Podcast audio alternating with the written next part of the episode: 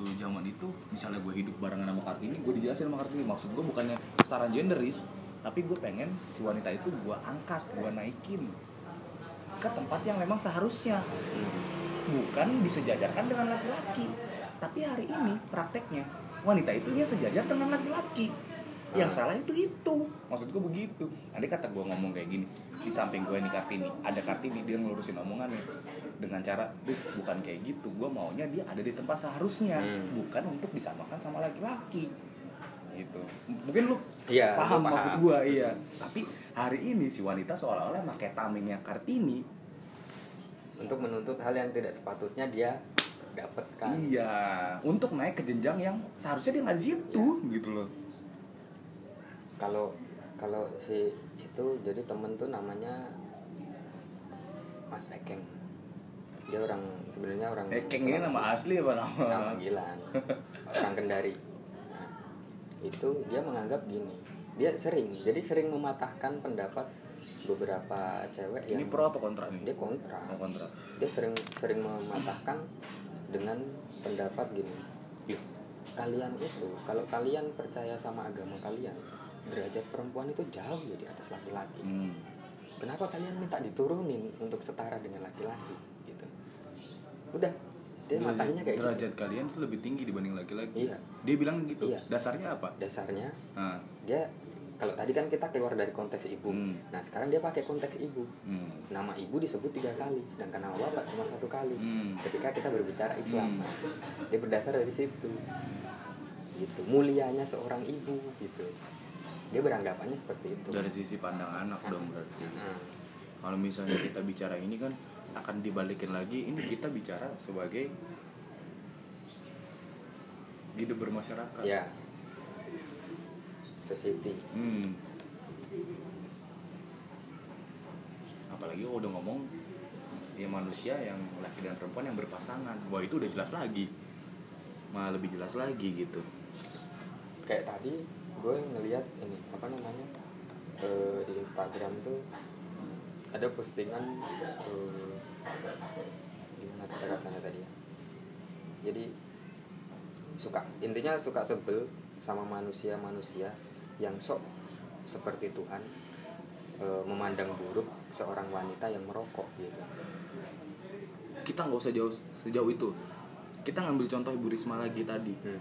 Bu Risma itu jadi viral loh akhir-akhir ini 2-3 tahun ke belakang seolah-olah itu so- sosok pemimpin yang benar Hmm. pemimpin harus keras kayak gitu kayak gini-gini mungkin perempuan yang di belakangnya Bu Risma akan ngomong tuh perempuan juga sanggup kan jadi pemimpin? Ya. Pemimpinnya gini gini gini gini gini. Gua kan tidak pro. Justru itu sarkasnya gua terhadap kaum mereka. Tuh ketika perempuan jadi pemimpin yang dipakai emosinya aja. Yang dipakai maunya dia aja kayak gimana sementara sosok pemimpin tuh nggak kayak gitu men. Harusnya patternnya tuh nggak kayak gitu. Nggak mesti lu pakai emosi. Nggak mesti ikutin semua mau lu. Hmm. intinya semuanya pertimbangan. Bahaya memang. Kalau ngomong kayak gini uset defense gue udah semua teriak-teriak tuh apalagi yang perempuan yang di belakangnya dia.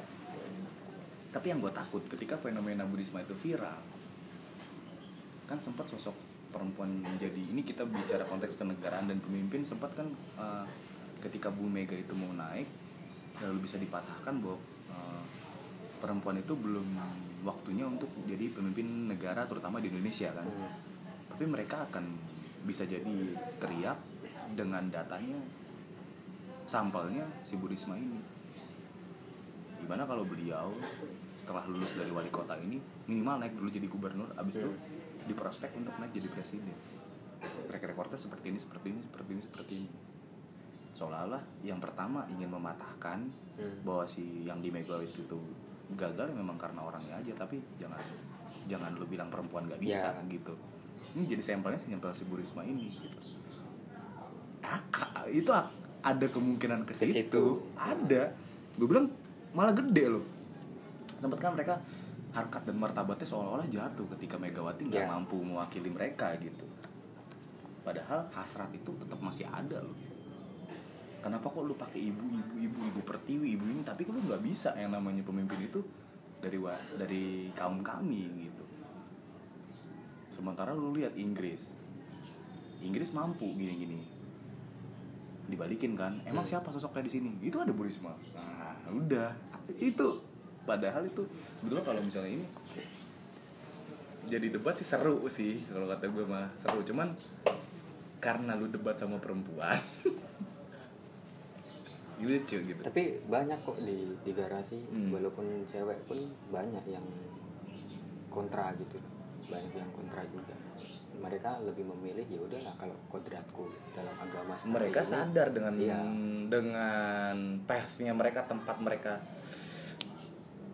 uh, apa namanya kedudukan mereka sampai situ aja gitu mereka sadar kalau mereka yang nggak sadar lu harus menghadapi itu kan Iya. Bahkan ya ketika mereka berada di bangku S2 di situ mereka merasa oh ini ini hasil perjuangan Kartini gitu. Aku bisa mendapatkan kursi untuk pendidikan S2. Hmm. Nah, inilah salah satu hasil dari perjuangan Hmm. Kartini gitu.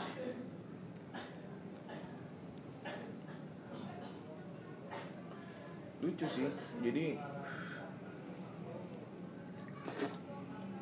Tapi ya kalau aku umpama kita balik ke yang postingan cewek merokok itu memandang hal buruk atau tidak itu ya balik lagi ke kaum laki-lakinya. Umpamanya ketika jadi pernah ada perdebatan si cewek nih ya udahlah biarin lah eh, cewek keluar malam pulang malam biar apa nggak dimarahin kayak laki-laki juga gitu umpamanya di dalam satu rumah ada saudara laki-laki sama perempuan terus kalau yang laki pulang malam nggak dimarahin kalau cewek dimarahin gitu nah si cewek ini pengen kayak yang laki-laki gini Hmm. nah tapi ketika ketika mereka pulang malam terus mereka mendapat pandangan negatif lagi-lagi society-nya yang disalahin gitu Hmm. tatanan masyarakatnya lagi yang disalahin gitu. Sama si perempuan tadi Mm-mm. kenapa kok gue nggak bisa Nah, akhirnya jawabannya apa? Ya balik lagi sama kayak kita bahas Jakarta tadi. Balik lagi tatanan masyarakat yang ada, SD, SDM-nya yang perlu dirubah kan. Ketika mereka menuntut feminisme, oke. Ketika berada di Barat, monggo. Mungkin bisa berjalan ketika di sana. Tapi budaya yang di sini apa sih, Bang? Patriarki Hmm. Yang ada di Indonesia kan beda gitu.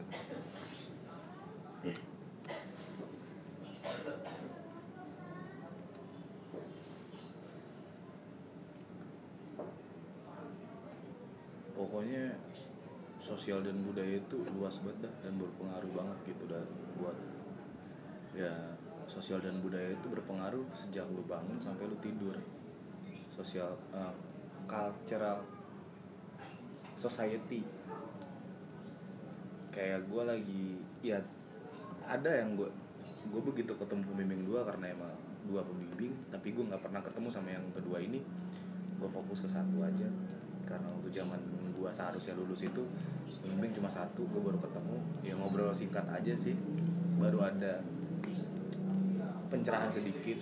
Bilang dia tanya skripsinya udah selesai udah. Udah di ACC yang web voka udah ya udah sama saya ngobrol aja gitu. Emang apa sih? Nggak usah dibuka ngobrol aja mau bahas. Perilaku buruk pak. Perilaku buruk siswa gitu. siswa di kelas itu kenapa tertarik gitu? Ya waktu saya sekolah jujur aja saya mengalami hal itu. Saya justru pelakunya gitu. Saya sih pengen sekedar pengen tahu gitu. Apa sih pengaruh gitu? Apa sih pengaruh? Terus andai kata kita ada di lapangan bagaimana kita sebagai pengajar itu pendidik lah. Kita kan nggak nggak sekedar nggak sekedar menyampaikan materi ke anak-anak yang kita ajar tapi kita ju- juga justru harus bisa menjadi pendamping pendidik mereka gitu. Harus masuk ke ranah psikologinya mereka juga. Walaupun nggak terlalu nggak bisa terlalu dalam karena kita nggak punya basic ilmu di situ. Bilang kayak gitu oh iya terus aja sih temuannya di situ. Dia bilang ini ini ini ini gue bilang. Itu eh, acuannya dari mana? Dia bilang teorinya dari mana? Saya ngambil dari jurnal pak. Jurnal itu ada di uh, penelitian ini tuh ada di Iran gue bilang kayak gitu. Di Iran gue bilang. Iran itu masuknya timur tengah ya iya kurang lebih sih di situ pak. Iran. I- di dia buat jurnal itu dari mana aja sumbernya? Penelitian ada di Inggris buat jurnal itu. Penelitian ada di Spanyol penelitian ada di Australia. Banyak pak. Tapi temuannya kurang lebih hampir sama gitu Penu- temuannya apa? Eh, talking out of turn. Nyeletuk gitu. Guru ngomong apa? Saut. Disautin namun di luar topik. Itu akan mengakibatkan kelas gaduh lalu di luar topik yang sedang dibicarakan. Jadi nggak fokus. Jadi nggak fokus. Jadi kita harus manage kelas lagi harus dari nol lagi. Bagaimana?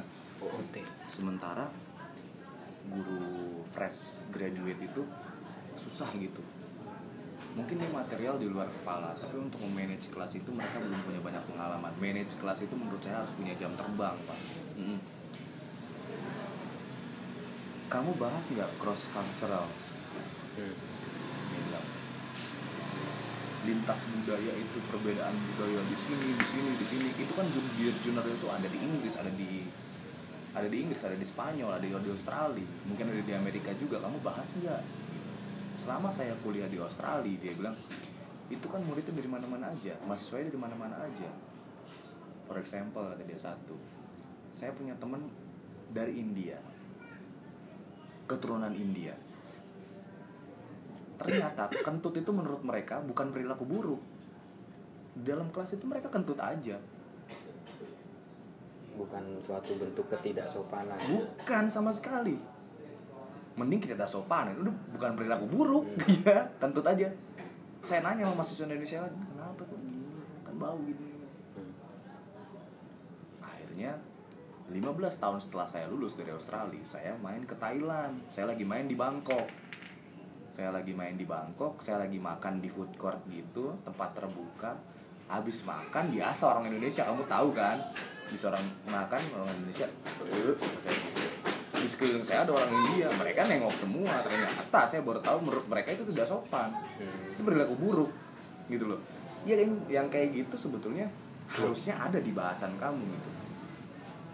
Perbedaan budaya itu yang membedakan interpretasi seseorang juga cara pandang orang Hmm. menilai cara menilai orang itu pasti akan beda.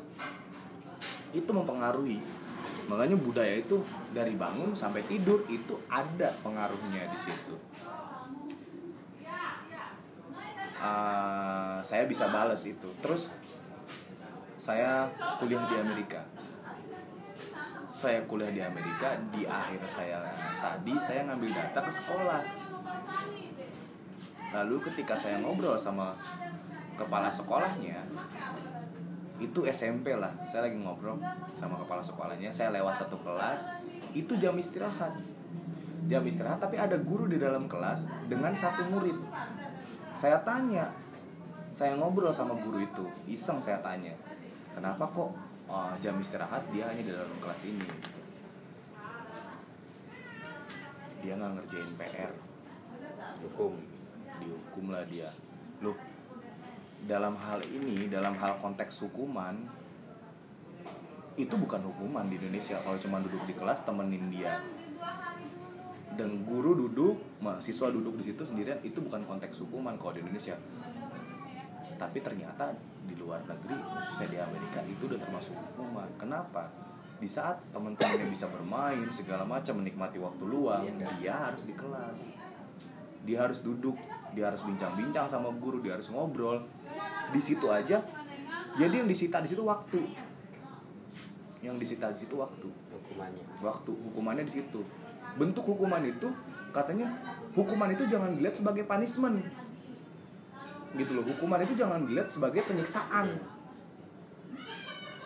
Jangan direnggut gitu loh. Jangan direnggut kan air nih sabun air. Iya mentalnya segala macam jangan gitu. Jangan terlalu dalam gitu kayak disuruh lari terus bahasanya terlalu fisik gitu. Jangan hukuman itu jangan dilihat sebagai punishment. Sebagai efek jerah. Nggak juga gitu loh. Justru apa yang buat justru apa yang yang harus dibuat itu justru dengan mereka itu kita harus deket. Hukuman itu bentuknya kita semakin dekat sama dia. Jadi kita tahu apa salahnya gitu dia pun juga tahu. Iya dia pun tahu solusinya kayak gimana. Hmm. paham nggak? Gitu kan teorinya pendampingan jadinya. Hmm. ya itu fungsinya konseling kan? Iya pendampingan. Sebagai guru tuh harus kayak gitu. Kalau misalnya kita hukum dia lari apa segala macam itu nggak ada penyelesaian masalah di situ. Kita nggak tahu masalahnya apa dia nggak tahu solusinya. Dilepas aja begitu. Itu cross cultural. Terus selanjutnya saya belajar di Amerika juga ketika akhir studi di sekolah itu bahasa di sini akhir semesteran lah. Pasti kan mereka dapat raport juga. Kalau di sana enggak. Per tiap minggu itu ada laporan ada note dari guru untuk dikasih ke orang tua. Pasti di bawah kita raport kan ada catatan dari Ya. guru untuk orang tua. Kalau di sini seperti seakan-akan dicari-cari kesalahannya. Tolong tingkatkan eh, tingkatkan lagi apa tingkatkan lagi apa tolong ini ini ini ini. Perilakunya ini ini ini. Tolong ini. Seolah-olah yang dicari itu dari murid adalah kesalahannya. Bagaimana peran orang tua itu untuk memperbaiki ya mental ya ini ya perilaku itu di, dilimpahkan balik ke orang tuanya. Kalau di sini loh. Tapi kalau di luar negeri enggak. Benar guru yang ngatasin di di note itu ditulis begini terima kasih telah membantu saya membersihkan papan tulis. Pada tanggal sekian sekian sekian sekian. Pada saat dia dihukum itu di kelas di waktu itu disuruh membersihkan kelas. Nggak dibilang kesalahannya di situ. Hmm. nggak dikasih tahu lu minggu ini minggu ini lu nggak ngerjain PR nggak kayak gitu. Terima kasih telah membantu saya untuk menyikapinya tuh beda-beda. Jadinya eh, lu apa keren aja gitu. Beda budaya cara menyikapinya itu kayak gitu. Udah nyampe situ belum kita. Makanya oh, nyambung nyambungnya mungkin ya ada benernya juga kali. Makanya terjadi di sini. Ada istilah Islam Nusantara lah apa. Jadinya nyerempet-nyerempet ke situ tau gak lu? Hmm. jadi kayak budaya itu seolah-olah mereka nggak mau ngelepasin itu gitu. Jadi gue nggak mau oh terjadi juga ya. Gue bilang kayak gitu lucu juga sih. Ada gitu di belahan bumi lain. Jadi malah bentuk apresiasi Terhadap? mereka yang di catatan tadi. Apresiasi? Justru mereka jadinya apa ya se- seorang guru itu juga ngasih pelajaran bahwa walaupun orang lain itu punya ada keburukan yang lu tahu tolong lu tutupin aib orang itu hmm. Ini pelajaran di situ terus di sisi lain hukuman nggak melulu tentang penyiksaan hmm, tapi punishment ketika mereka merasa merugi yaitu salah satu bentuk kehilangan tentang juga. sesuatu iya rugi lah kan. Hmm. Orang lain udah cukup banget itu ngancurin mentalnya lo itu. Hmm. SMP kelas 1, kelas 2 gimana sih? Orang istirahat ya pasti dia mau keluar lah. makan Enggak melulu makan. Kalau SMP tuh lebih karena main. Lari-larian lah, apalah bercanda. Kalau SMA baru makan. Anak SMP tuh bisa puasa seharian, yang penting lari-larian. Iya.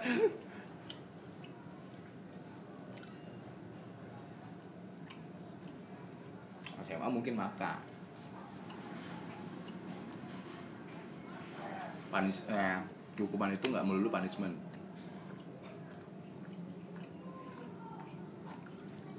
cross cultural perbedaan budaya itu jadi cara beda menyikapinya. Ya gue bilang gue ngobrol di garasi sama bacot gue bilang ciri kayak lu nih bagus bener. Hmm. tapi lu lebih tepat tinggal di luar luar negeri. Kalau di sini nggak bisa. Orang bisa sakit hati sama lu yang salah siapa? Lu nggak bisa salahin. Lu? Gue juga nggak bisa nyalain orang di sini. Lu kayak nggak cocok aja di sini gitu. Tapi lu cocok banget di luar dan benar. Orang sini? Ya bingung juga nyalain orang banyak kan ya.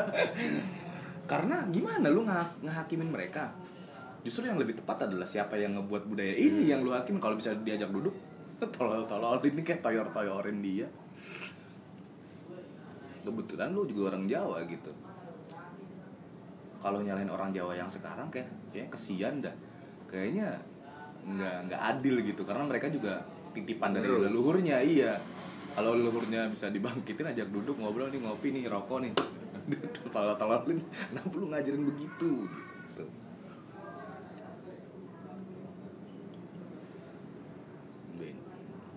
Ini ya balik lagi kalau lu punya iman emang Allah tuh nyiptain orang bangsa ini bangsa itu bangsa ini bangsa itu. Beda-beda karakternya juga dibeda-bedain geografisnya dibeda-bedain. Tapi ketika di buat lu saling mengenal. Ketika semua perbedaan itu diketemukan dengan apa namanya firmannya dia Hmm. atau karyanya dia Hmm. kayak karya dalam bentuk Al-Quran lah atau dalam bentuk keislaman. Jadi satu balik lagi jadi satu gitu. Hmm. iya kan maunya dia seperti itu gitu walaupun secara budaya memang beda-beda tapi ketika dibalikin ke situ ya udah buat jadi satu lagi Hmm. Hmm. Ca- cara pemahaman tentang Al-Quran juga kan jatuhnya nanti eh, yang mengerikan adalah apakah si Al-Quran ini yang ngikutin si budaya itu Hmm. atau lu mau lepasin budaya ini untuk ngikutin Al-Quran perdebatannya kan ada di situ lu mau tetap berpegang teguh dengan oke ini ada Al-Quran nih Hmm. tapi kita harus ikutin wadahnya budaya kita ini gitu Hmm. jadi Al-Quran menyesuaikan budaya Hmm. atau kasih orang ini mau mengikis beberapa budayanya dia memang nggak sesuai dengan Islam atau tinggalkan sama sekali berpegang teguh sama si Islam. Yang itu yang yang beda-beda manusia beda-beda prinsip. Nah, gue mau gue mau pakai yang ini gitu. Gue mau pakai yang ini gitu. Ada yang siap untuk A pilihan A. Ada yang siap untuk pilihan B. Tapi kalau itu menurut gue toleransi sih. Toleransi Jadi terhadap ketika gini, umpamanya kita pakai eh, makna Al-Quran secara original lah ibaratnya. Berarti kan kita ngikut zaman Nabi ya, hmm, zaman Nabi Muhammad. Nah, ya makna itu, tafsir itu seperti itu menyesuaikan kondisi pada saat itu gitu. Kalau menurutku ya. hmm, Dan ketika disangkut pautin dengan kondisi saat ini masih bisa juga gitu loh. Disangkutin dengan budaya saat ini masih bisa juga. Nah itu salah satu bentuk toleransi gitu. Jadi kayak nggak perlu lah, nggak perlu ada lagi yang diperdebatin loh. Ini nggak ada di Al-Quran tuntunannya gini-gini nah, gitu. Tapi berarti tapi kalau kalau ninggalin budaya terus terjun ke zaman Nabi yang dulu dengan kondisi sa- realitas saat ini, gue yakin banyak yang nggak bisa juga. keras emang Ya, contohnya umpama nih, umpama ketika ketika kita mau bilang apa namanya halal haram di Al-Quran nggak ada atau hadis nggak ada, makan deh pakai sendok. Emang Nabi dulu pakai sendok? Enggak kan? Makan cuma pakai tiga jari. Hmm. Terus lu mau makan soto pakai tiga jari gitu. Nah itu contoh simpelnya. Tapi kenapa sampai sekarang masih bisa dipakai ya karena ada toleransi tadi. Bagi bagiku sih gitu. Jadi Tuhan itu maha toleransi. Maha toleransi ya Maha toleran. Pokoknya maha toleran, sangat sangat maha toleran. maha toleran Nggak sekedar maha asik.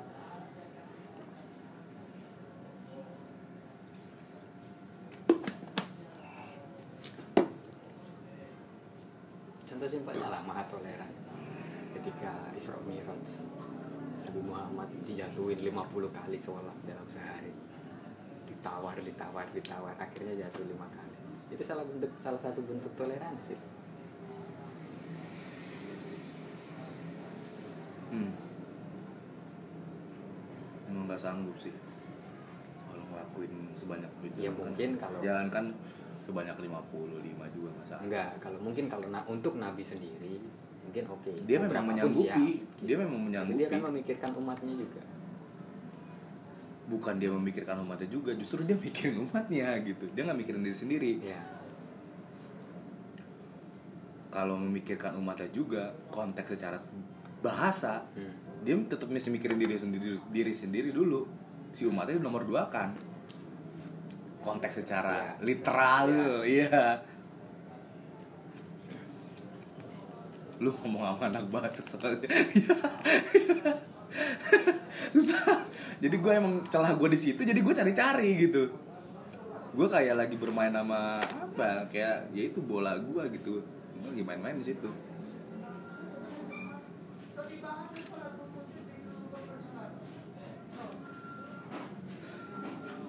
Memang kayak seolah-olah itu Al-Quran itu adalah undang-undang yang ya bahasnya pedoman ya benar-benar pedoman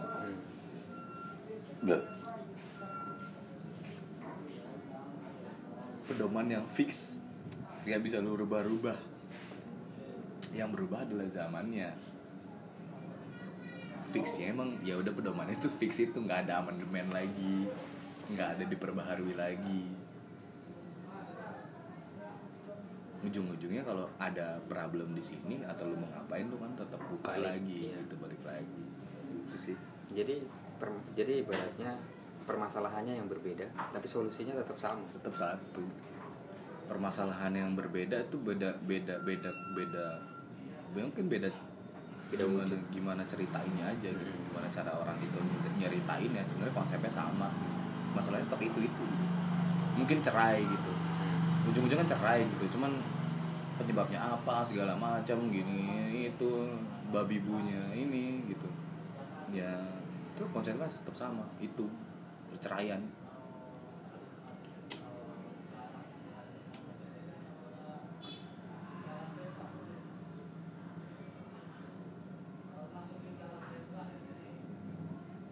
Siapa lagi yang masuk lingkaran setan itu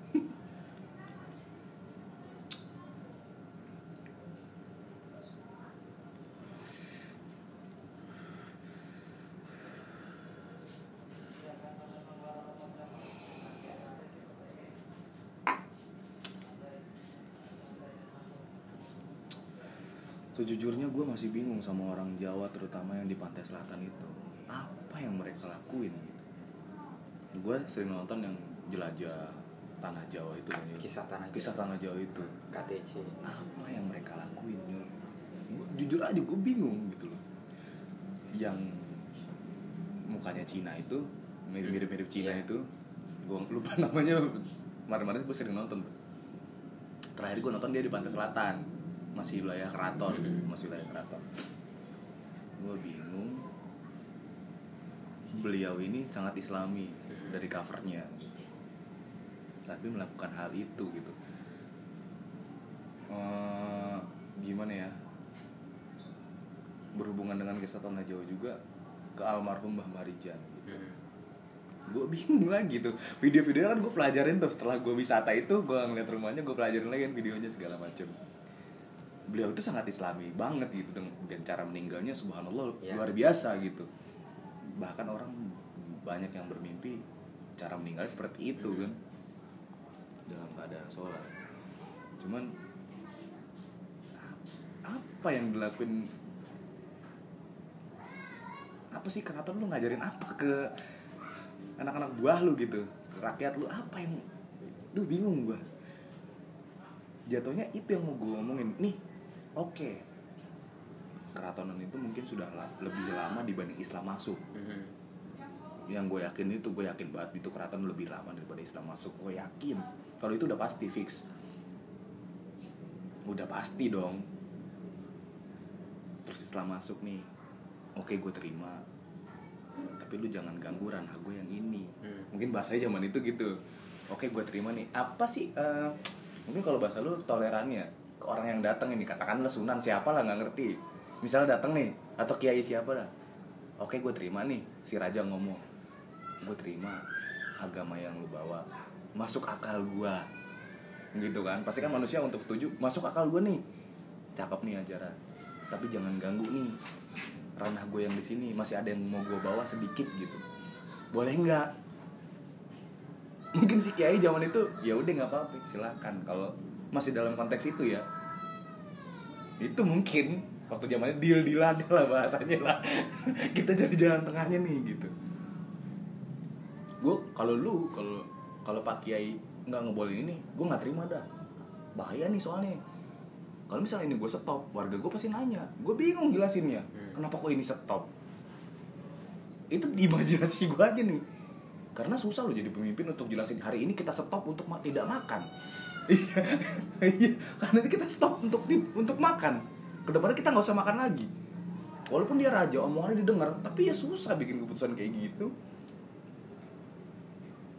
Iya nggak sih? Di luar kejadian fenomena alam gitu. ntar dulu. Ini kita bicara manusia dan manusia. Lu udah pernah baca atau denger atau nonton kisah babat tanah Jawa belum? Ini di YouTube lagi nih. Wali Songo belum belum. Yang gue tahu sih dia mereka beliau itu zaman Majapahit. beliau itu eh, yang gue tahu tentang si Wali Songo itu beliau itu menyebarkan Islam segala macam hmm. dalam konteks tetap membawa budayanya gitu. Karena mereka memang mereka juga berasal dari sini. Jadi tetap dibawa. Gimana caranya gue bisa melebur ke mereka? Hmm. tapi gue bisa diterima sebagai apa sih mereka tuh nggak gain sama gue gitu. Iya. kesan pertamanya jangan sampai gue ditolak. Kayak si Ustadz Preman Pulau Gadung ya bener kata dia tuh. Dia seolah-olah ingin menjadi si sun Iya. sis dengan cara itu gitu. Dia nggak dia membenarkan cara Nabi tapi kalau cara Nabi itu agak keras gitu. Untuk saat ini. Bukan untuk saat ini untuk orang yang ada di sini. Kita kan ngomongin budaya sini nih. Hmm. itu kan makanya balik lagi ke yang kita omong tadi Islam Nusantara bilang di situlah tebingnya nyul. Ditarik garis lurusnya. Omongan Gus Miftah gue bilang. Lu mau ngejelasin itu gue udah paham maksud lu. Tapi secara Cara. literal yang lu sampein seolah-olah lu nyebut nabi itu keras. Nggak sesuai sama kita gitu loh. Berarti ada sisi lain di nabi itu yang lu nggak suka gitu kalau dikritik di situ Ya. gimana? Iya agak masuk kan sebenarnya. Oh bisa nih gitu celahnya gitu. Menurut gua gua pun nggak akan semerta-merta lu orang Jawa salah yang ngelakuin itu. Terus lu rubah. Kayak tadi gue bilang logikanya itu ya mungkin ada salahnya tapi logika gue juga ya gue bingung juga. Gue jadi sultan saat ini gue jadi sultan nih. Gue suruh stop. Ya bingung juga nih gimana semua orang nanya. Simbo itu pada nanya ini gimana sultan? Satu-satu nanya. Bingung. Sebab siapa yang kayak tadi yang gue omongin siapa yang mau disalahin? Zaman sultan siapa yang menerima sunan itu kita mau salahin dia. Nggak adil. Karena dia masih ada bapaknya bapaknya bapaknya. Enggak, kalau kalau nurut nurut cerita babat tanah Jawa itu ya. Jadi ada dua tokoh yang namanya siapa tuh? Eh,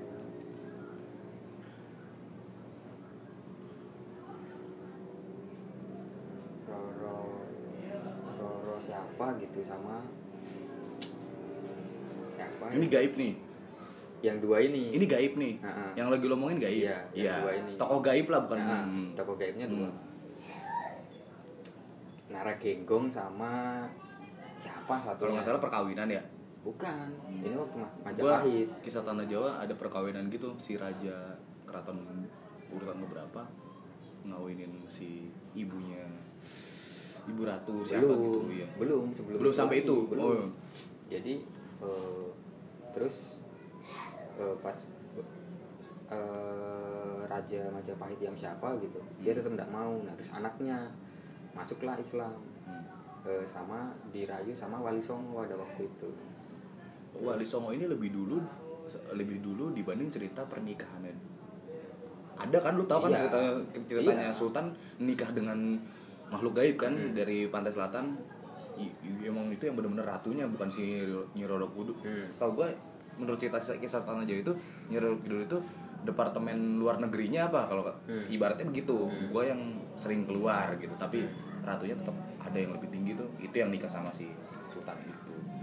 Berarti itu setelah cerita sis Loh, enggak kalau yang itu malah sebelum. Itu sebelum Majapahit eh. Sesudah nih. sesudah. Sesudah. Ah, ah, soalnya Nah, gua- yang gua nah, mau- makanya ceri Ah. selesaiin dulu ceritanya. Habis. Yang mau gue tanya itu sesudah apa sebelum? Habis. Habis itu Dil kan masuk Islam. Hmm. Beberapa masa beberapa masyarakat Hmm. itu ada yang nggak setuju masih ada yang nggak setuju ya pro kontra wajar mereka bilang ayo Bali baik hmm. pulang balik eh, pergilah mereka bukan Hmm. pulang jadi ayo Bali itu mereka pergi dari Pulau Jawa Hmm. mereka ke Pulau Bali jadilah Pulau Bali itu Hmm. nah jadi kalau kalau kita mau lihat zaman kerajaan Majapahit ya udah kita budayanya ke Bali aja yang masih 90% itulah Ah. gitu Jawa Ah. lama gitu terus hmm. mulailah menyebar Eh, ketika Majapahit udah dipegang sama Islam mulailah menyebar ke Demak lah ke Surabaya Hmm. Sunan Giri dan lain-lain terus dibentuklah Sunan Kalijogo membentuk itu apa namanya kerajaan Mataram itu bukan membentuk sih mengislamkan kerajaan Mataram Hmm. lebih tepatnya Mataram itu yang mana Jogja. Jogja, ya. Jogja. Terus eh, muncullah eh, apa namanya? Sultan. Bukan Sultan ya udah ada udah ada. Muncullah ini perjanjian Gianti satu Gianti dua yang mana dari Mangkunegaran kebagi jadi Kusumanegara itu terus kalau Mangkunegaran kan lebih ke Surakarta sebenarnya. Hmm. terus kebagilah ke Mataram. Kusumanegaranya di Mataram. Nah perjanjian jadi se- sebenarnya yang belum ditahu pasti soalnya apa Eh, kisah babat tanah Jawa sama kisah Wali Songo ini banyak ceritanya gitu dan Jadi- ada yang saling silang juga kan Mm-mm. Ada yang bilang Wali Songo ini benar-benar orang yang ada di Indonesia, Hmm. khususnya Pulau Jawa. Ada yang bilang Wali Songo ini orang yang didatangkan dari Turki. Dan sebenarnya mereka bukan sembilan orang, gitu loh. Tapi pendahulu-pendahulunya udah ada. Cuma gagal terus. Nah, yang ketika berhasilnya mereka tembusnya di dia itu di sembilan orang Hmm. ini gitu yang mana mereka bisa melakukan negosiasi dengan makhluk goib yang menunggu pulau Jawa ini gitu yaitu kayak eh, Naraginggong sama siapa lagi satunya ini Hmm.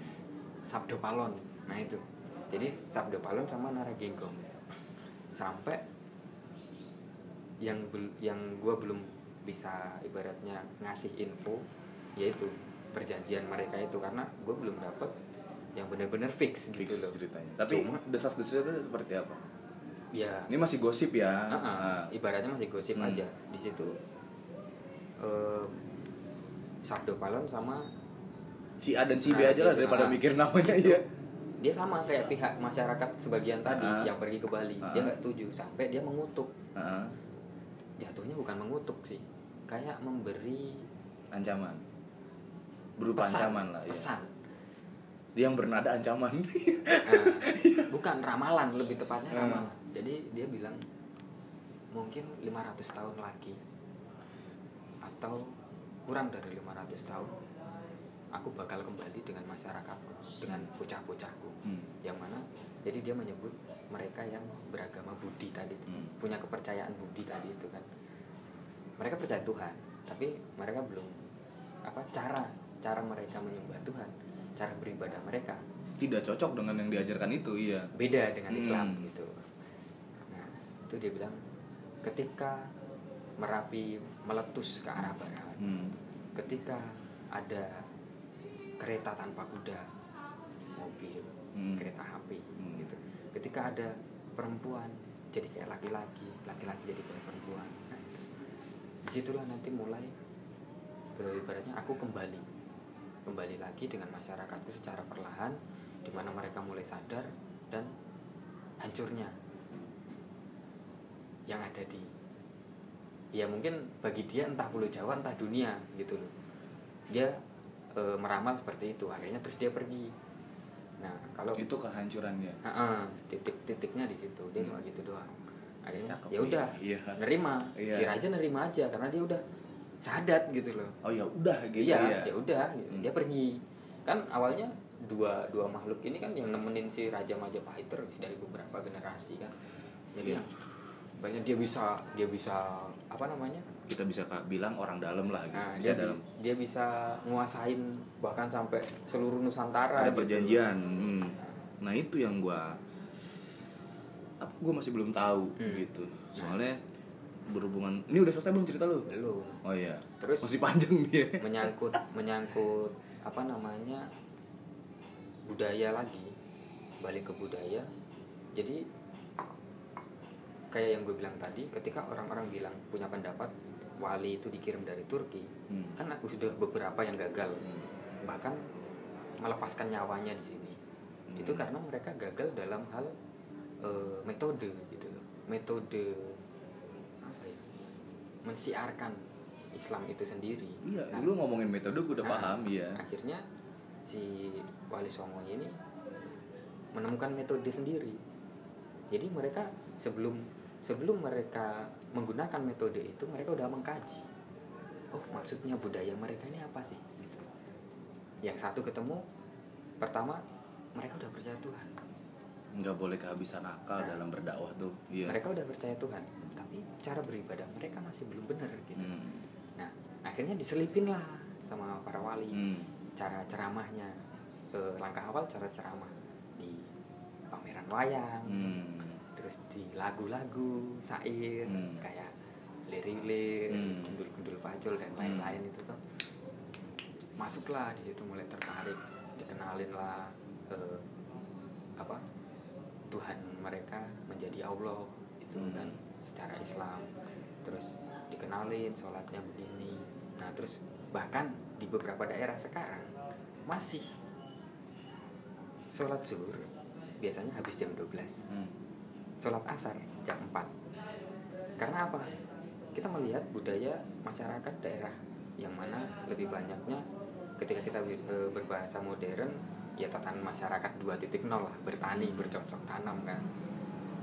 Mereka istirahat setelah jam 12 makan ya kan dan lain-lain sholat. Terus habis itu baru sholat. Jam 1 lanjut lagi kerja lagi. Mereka istirahat lagi sekitar setengah empat pokoknya setelah jam 3 Hmm. jadi nggak bisa mereka sholat asar di jam 3 pas. Di waktu yang tepat. Nah, makanya di beberapa daerah masih sampai saat ini pun gue masih sering nemuin di umpama di lereng gunung mana gitu kan azannya asar pasti jam 4 atau kurang dari jam 4 dikit karena mereka masih oh ya ini budayanya seperti Di ini sini pun setengah empat udah lewat kok. ya kan tergantung perputaran waktu Hmm. gitu loh Ya bukan hal aneh Iya. gitu menurut gua tapi, ya. tapi kan kalau sini sama sono sini sini sama Jawa Tengah bedanya berapa menit udah ada kali 5 menit 10 menit Iya. perbedaan Itu geografis bukan hal aneh kalau misalnya sholat lu udah pakai bunga-bunga baru aneh gitu. Ajan telat juga bisa aja orangnya lagi ke mana gitu. Ya mau azinnya nggak ada itu siapa yang mau disalahin nyul gitu. Masa ajan pakai HP kan lucu. Nggak itu kan hal yang Ya. menurut gua fatal lah masih bisa Masih. dimaafkan. Iya.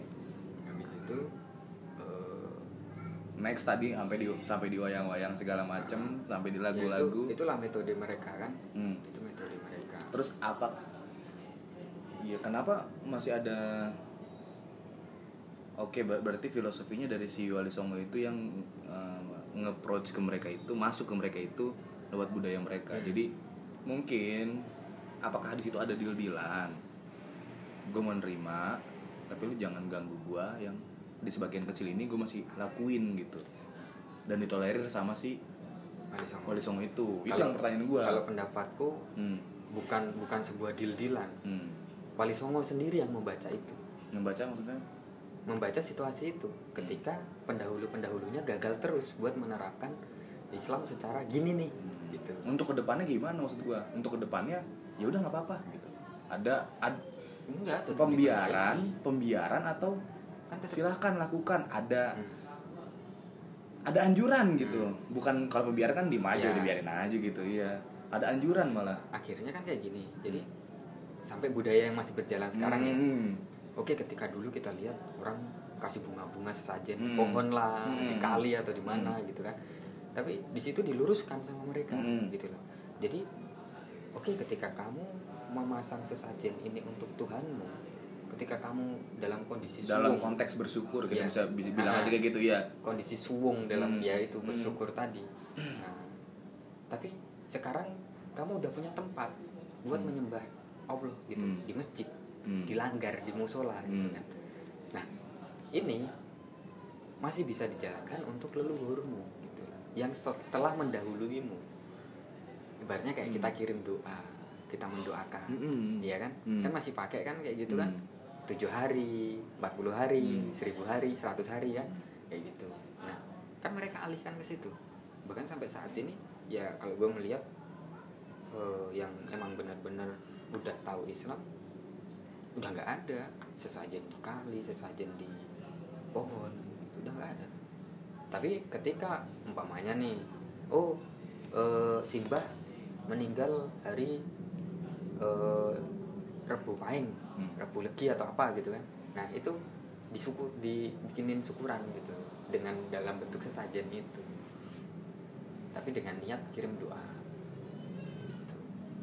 itu maksudnya penjelasan lu tentang yang di laut itu dia di Ah. pasir-pasir pantai selatan yang Ah. bisa tanah jauh itu Ah. buat leluhurnya dia kalau kalau menurut gue ya Ah. yang aku tahu loh ya di merapi juga Mm. emang Nah, ada tapi Ah. gini kalau untuk keraton Jogja Hmm. gue merinding ketika mereka- kenapa tuh? Bisa merinding? Iya. Bagi-bagi dong. Biasa jatuh cinta tuh kalau merinding tuh. ketika kayak ketika mereka ya kalau aku menanggapi itu salah satu bentuk syukur Mm-mm, Iya kan gue bilang Nah. di konteksnya bersyukur lah dalam, dalam tanda kutip. tapi yang terselip di situ aku nggak tahu Hmm. ketika ber mereka naik ke merapi terus ngasih sesajen itu entah tujuannya untuk sang penunggu merapi yang secara goib atau pada Tuhan langsung gitu Mm-mm. nah sam- begitupun ke laut selatan itu yang gue nggak tahu tapi kalau Karena Allah itu kan balik lagi nawa itu lu seperti Nah. apa coy Nah. gitu ijab lu seperti apa dan kalau kita balik ke kepercayaan mereka yang budi Hmm. mereka percaya Tuhan itu ada di mana-mana gitu Hmm. jadi bukan bukan eh, apa namanya apa sih bahasa Indonesia nya mindset. Bukan mindset kita untuk ngecap mereka tuh yang selama ini oh kamu di situ nyembah sesuatu yang ada di situ. Bukan. Tapi mereka percaya bahwa di situ juga ada Tuhan gitu loh. Hmm. jadi itulah eh, bentuk kepercayaan Budi itu seperti itu. Kenapa mereka nyembah rumah kosong? Kenapa mereka nyembah eh, pohon besar? Mereka percaya di situ ada Tuhan di mana tempat yang nyaman yang teduh yang suwung ya udah di situ ada Tuhan pasti Hmm. Tuhan suka tempat-tempat kayak gitu iya. mereka anggapannya seperti Iya itu iya itu ajaran mereka kan kita Ah. lagi bicara konteks itu. ya mungkin mungkin masih masih diterapin di situ Nah itu yang yang aduh pasti pasti ada di belahan bumi Indonesia nih. Kalau luar kayaknya nggak tahu udah ada yang bahas atau mungkin ya UGM sendiri lah. Hmm. Mungkin pasti ada yang pasti ada kajian ilmunya nyul gitu. Pasti ada yang bahas nih di kelas gitu. Gue yakin secara yakin yakinnya gitu nggak mesti itu dia tokoh agama Iya. atau siapa gue gue yakin pasti ada kajiannya nih seru nih gue bilang maksudnya Hmm. cross culture gitu oke Islam itu kan juga punya budaya Nyul. ya agama itu bau budaya juga Hmm. gitu kayak cross cultural gitu gimana nih caranya gitu karena agama itu nanti lu membentuk tatanan budaya Hmm. Budaya Yang baru. Islam jadi iya.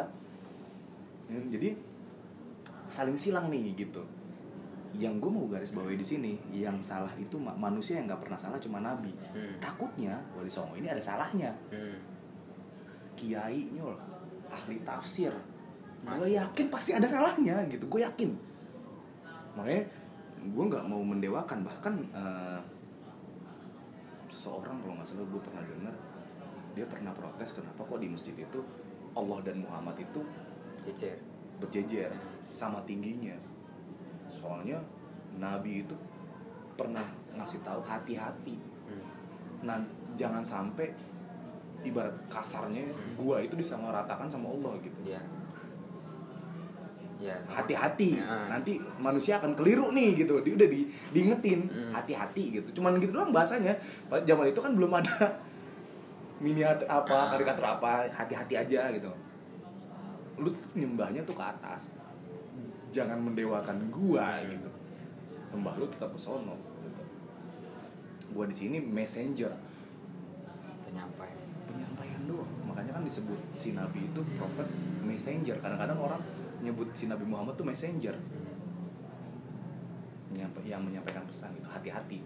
Dan kita harus sepakat memang kita harus sepakati bahwa manusia yang tidak ada salahnya tidak ada kelirunya itu cuma nabi. gitu loh. Yang gue takut makanya makanya kajian ini gue gua masuk ke dalam akal gue gue takutnya Wali Songo ini ada salahnya gitu. Gue takutnya gitu. Walaupun gue eh, belum sampai ke kapasitas bahwa gue menentukan Wali Songo ini ada salahnya. Hmm. bukan gue yang ketok palu gitu nyul. Gue cuman khawatir baru. Makanya ketika masuk ke bidang keilmuan nih apakah ada kajiannya gitu loh tapi udah ada takutnya ada iya ini kalau kalau ketok palu salah ya ah udah ada ada udah ada yang ngetok palu salah tapi Gua nggak tahu tapi soalnya. bukan tentang itu hmm. jadi gini itu mau gue ceritain tadi tapi nanti takutnya keluar dari konteks nah Hmm. ini kan udah selesai Hmm. jadi ya mohon maaf eh, beberapa nggak usah pakai mohon maaf ini kita buka aja iya lu bukan Beberapa- cerita sama siapa ya beberapa kepercayaan yang lain Hmm. kayak Hindu Buddha Hmm. pada zaman Majapahit itu Hmm. sekarang kebanyakan mereka menyalahkan nyalakan nih nih Indonesia jadi kayak gini Eh, jadi terpecah oh belah gini. kickback kickback Ya, ya itu gara-gara Islam masuk ke Majapahit gitu Hmm. coba Islam nggak masuk ke Majapahit Hmm. pasti Nusantara tetap ada gitu Hmm. Eh, pasti Indonesia nggak bakal ada. Jadi namanya tetap Nusantara Nusantara, gitu. Hmm. kita punya kita luas sampai Filipina kita sampai Thailand disebut Nusantara gitu. Jadi seolah-olah mereka menyalahkan masuknya Islam di situ. Kalau itu lebih itu jadi kan kan yang yang berhasil masuk kan Wali Songo. Ya. berarti mereka kan mengketok palu menyalahkan ini kan. Kalau itu lebih ke arah ini aja sih kalau itu bisa dengan singkat dijawab secara psikologi itu masih ada dendam sih. Ya. dendam kesumat kalau itu. Tapi kebanyakan gue baca di blog pada Hmm. waktu gue masih suka baca-baca kayak gitu mungkin 4-5 tahun yang lalu gue baca di blog itu kebanyakan orang-orang yang masih punya kepercayaan begitu dan berada di Pulau Jawa. Sedangkan mereka yang berada di Pulau Bali itu tenang-tenang aja. Iya dengan budaya mereka. Kan ibaratnya lu balapan balapannya kalah di Sentul ya orang masih emosi emosi di situ gitu Ya. masih ya masih masih masih gedek lah masih ada kalau itu aduh gimana ya bicaralah eh, menilailah satu itu lu sebagai orang yang harusnya bi- bisa bijak bisa objektif gitu lu Hmm. gue maunya jangan sampai jangan kalau yang tadi itu dia ngomong begitu menurut gue itu nggak objektif itu masih bawa masih bawa dendamnya gitu kita harus ada di konteks lu Hmm. jangan nyalahin orang Jawa yang sampai saat ini masih kayak gitu Hmm. kita harus bicara di tengah-tengah lu jangan sampai nyalain jangan dulu jangan bukan jangan sampai jangan dulu nyalain orang Jawa yang masih melakukan itu terus yang kedua lu jangan mendewakan juga Wali Songo jadinya lu Hmm. bisa nilai di Ya. tengah-tengah gitu gitu gue maunya dulu runut dulu kisahnya kayak gimana gitu untuk kalau itu mah apa instan banget gitu lu bicara dengan emosi gitu. Lu bicara dengan emosi gue nggak mau kayak gitu. Menurut gue kenapa gue bahas ini? Ya sebenarnya seru. Kenapa? Persilangan budaya pergolakannya Hmm. zaman itu yang makanya gue bilang sebagai pemimpin itu nggak akan mudah. Coba lu jelasin ini gimana cuy. Akhirnya kan makanya gue bilang oke seorang pemimpin di saat itu seorang sultan bentuknya kera- kerajaan. Hmm. mohon maaf ya. Lu dipilih berdasarkan darah lu belum tentu lu pengetahuan lu. Ya. Lu suitable untuk menjalankan tugas itu gitu loh. Bisa jadi wawasannya si Wali Songo itu jauh di atas lu. Misalnya Wali Songo itu dari dari Turki. Turki. jalannya jauh dong dari Ya, sono wawasannya udah luas dong. Lu cuma di Jogja doang Malioboro gitu cuma di situ doang. Ya kalau itu kan masih di Mojokerto baik Majapahit. Oh intinya lu cuma di situ aja paling kangkringan gue mana cuma di situ aja iya Wali Songo aja. Wali-wali sebelumnya mentok gitu. Hmm. Wali Songo oke gue harus gimana nih gue butuh apa? Sampai sekeras itu dia berpikir eh, gue pikir ya gue yakin pemimpin zaman itu sebagai sultan itu kayaknya nggak sanggup juga untuk ngemban perubahan itu loh. Itu kan ada transisi budayanya loh. Hmm. itu berat banget loh. Gila. Makanya kan gue bilang apa dulu bisa? Kayak lu mimpi lu besok jangan makan nasi lagi. Besok kita ganti ke si anjing itu orang buset kerusuhan di mana mana gitu loh transisi budaya. Sulit menurut gua. Eh, gua juga nggak mau jadi hakim juga. Hmm. maksud gua gua juga nggak mau jadi hakim karena kapasitas gua bukan di situ. Gua pengen ngelurusin aja gitu. Ngelurusin gimana sih rekan ceritanya gitu. Kok bisa seperti itu kok bisa ini kok bisa itu segala macem gitu. Apa yang mereka lakukan di zaman itu kenapa bahasa gua simpelnya deal-dealan perjanjian itu seperti apa gitu. Kita ambil jalan tengahnya kayak gimana waktu zaman itu gitu.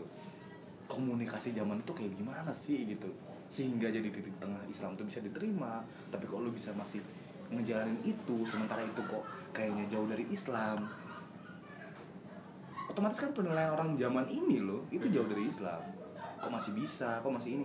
Jadi bercabang pertanyaannya. Makanya gue kenapa contoh kasus kecil kenapa kok gue tanya gue berkali-kali nanya lu tahu kan cerita Sultan itu nikah dengan Ratu Pantai Selatan? Entah namanya siapa? Lu tahu kan namanya eh, cerita itu tahu itu setelah Islam atau sebelum Islam? Satu setelah Islam.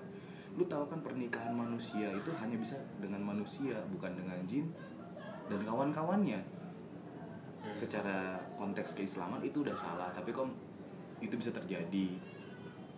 Gitu loh. Karena itu kenapa gue tahu kan yang di pantai selatan itu kan pas kisah tanah jauh itu Hmm.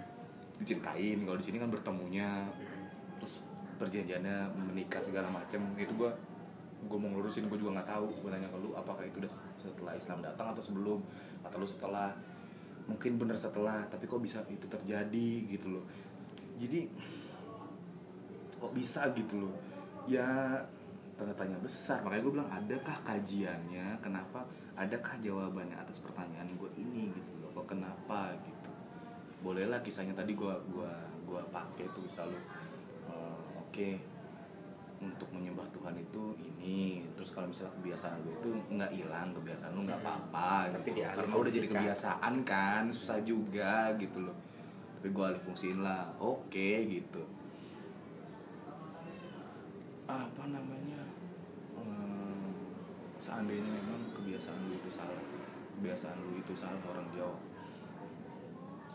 Ya kayak tadi balik lagi pemabuk itu kan bukan berarti nggak boleh sholat gitu. Ya andai kata memang orang Jawa yang lakuin ini salah tapi dia masih insya Allah masih sholat gitu. Hmm. itu lebih baik dibanding lu cuman datang ke laut doang gitu. Ya ya jadi lu jangan jadi buru-buru jadi ngehakimin enggak jangan gitu masih lebih baik gitu pun kabar baiknya ketika lu bilang ketika sekarang emang ada cerita eh ada di ber- berbagai tempat di Jawa yang memang sudah memegang teguh aturan Islam kebiasaannya itu agak sedikit sedikit demi sedikit bukan dihilangin semua mungkin masih ada mungkin sedikit demi sedikit tapi dialih fungsikan Iya, mungkin juga ada yang bener-bener dihilangin juga nih. Pasti ada. Mungkin lu belum tahu, tapi pasti ada gitu.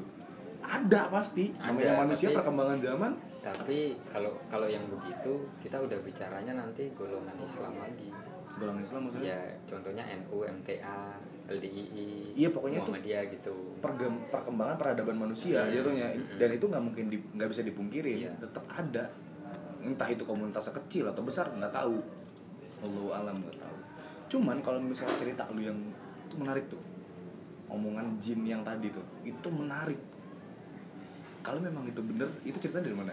Itu itu lo itu Tuh, banyak buku Sabdo Palon oh, itu dari buku? Oh, itu ceritanya? cerita ada. Itu kan udah terbukti baik Hmm. sekarang kan udah terbukti toh. Kereta tanpa kuda. Itu yang ngomong jin lu percaya? Ya itu Sabdo Palon itu. Iya tapi itu ya uh, makhluk goib gitu. yang jangan lu jangan lu percaya bahasa gimana ya Ya, itu itu goib. itu nyata nyatanya buku itu mengisahkan seperti itu. Rata-rata seperti itu tulisannya kalau tentang Sabdo Palon itu hampir semua sama. Jadi kayak ramalan gitu. Hmm. ramalan apa ya? Bahkan ada yang menyalahartikan ramalan Joyoboyo gitu. Tapi sebenarnya itu ucapan si Sabdo Palon ketika dia menarik diri dari kerajaan Majapahit setelah Majapahit memutuskan untuk masuk Islam gitu. Bahwa, bahwa itu itu kisahnya turunnya Da- Dajjal. Itu kisah turunnya Dajjal Hmm. itu tanda-tanda aduh gua merinding. Gua mau lupa gantiin merinding bener-bener merinding gua. Itu kisahnya persis turunnya Dajjal Hmm. aduh anjing. Aduh. Itu kisah bener-bener eh, kisahnya Dajjal. Di mana turunnya Dajjal. Hmm. ya tadi laki-laki perempuan kereta tanpa kuda. Hmm. bukan kereta tanpa kuda tapi kalau dia di mana manusia itu bisa bergerak dari tempat A sampai B tanpa memakan waktu lama. Tanpa memakan waktu lama. Dan jarak A sampai B itu sangat jauh. Hmm. jarak yang tidak bisa ditempuh oleh mobil. Itu pesawat. Hmm. itu disebut juga pesawat. Pesawat disebut juga. Laki-laki perempuan perempuan laki-laki. Hmm. laki-laki sama laki-laki Mhm. perempuan sama perempuan. Itu munculnya dajjal yang diceritakan kalau nggak salah Al-Quran. Al-Quran yang ceritain tapi yang ngomong itu Nabi. Yang ngomong itu Nabi. Yang mentafsirkan. Hmm. yang menyampaikan itu Nabi. Pas turunnya Dajjal itu pas turunnya Dajjal itu ceritanya dia turun. Memang tinggi besar. Nggak tahu lu udah tahu kisahnya cuma gue coba kisahkan lagi turun tinggi besar memang kemampuannya luar biasa. Hmm. sihirnya gaibnya luar biasa. Cahayanya itu luar biasa memang. Hmm. membuat terlena. Waduh. Tapi bukan indah. Hmm. takut. Takut. Menakutkan. Bukan menakutkan. Eh, menakutkan kan rupa ya jatuhnya. Iya. Tapi eh, konteks menakutkan kan rupa. Tapi mereka kan takut. Hmm. ketika dia ngeliat bahwa Dajjal itu punya kemampuan gitu yang Hmm. digambarkan seolah Tuhan tuh seperti itu gitu loh. Dikasih keistimewaan Allah untuk mengecohkan orang-orang yang tidak beriman si Dajjal itu turun dengan kemampuan yang mirip Tuhan. Heeh. Dajjal juga bilang silakan sembah gua. Kalau enggak lu mampus. Hmm. gitu kan? Benar. Unjuk kemampuan di kayak sirkus tuh si babi di kayak sirkus bawa segala macam. Dan walaupun manusia yang di eh, kalau kata nabi sekalipun kamu tahu dajjal dan sekalipun kamu ingin berjihad jangan temui dia. Jikalau kamu memang apa, tidak sengaja bertemu dajjal jangan menyerahkan diri. Hmm. bersahadatlah terima kematianmu. Insya Allah husnul husnul khatimah. Kalau nggak ketemu jangan hampirin. Karena lu nggak akan bisa berdebat sama dia. Iya. kalaupun lu berantem lu pasti kalah. Hmm. jadi kalaupun lu takut mati sama dia mendingan nggak usah. Hmm. tapi kalau memang lu nggak sengaja ketemu segera lu bersahadat depan dia. Karena dia akan tanya lu mau beriman sama gue nggak? Kalau nggak lu nggak mau beriman sama gue gue bunuh. Hmm. segera bersahadat karena lu nggak akan bisa berkompromi saking hebatnya dia lu nggak akan bisa berkompromi. Nggak ada toleransi. Nggak ada toleransi. Berarti sifat Tuhan di situ nggak ada nggak ada. Maha toleransinya lucu kan? ada. Tapi super powernya itu yang diambil. Garis besar super powernya kuasa. Tapi lucunya dia butuh itu butuh pesawat untuk secepat itu menyebarkan. Hmm. menyebarkan apa ya? Agamanya dia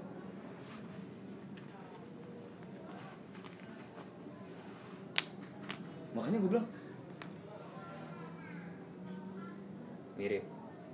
Bukan mirip itu cerita yang bener-bener Hmm.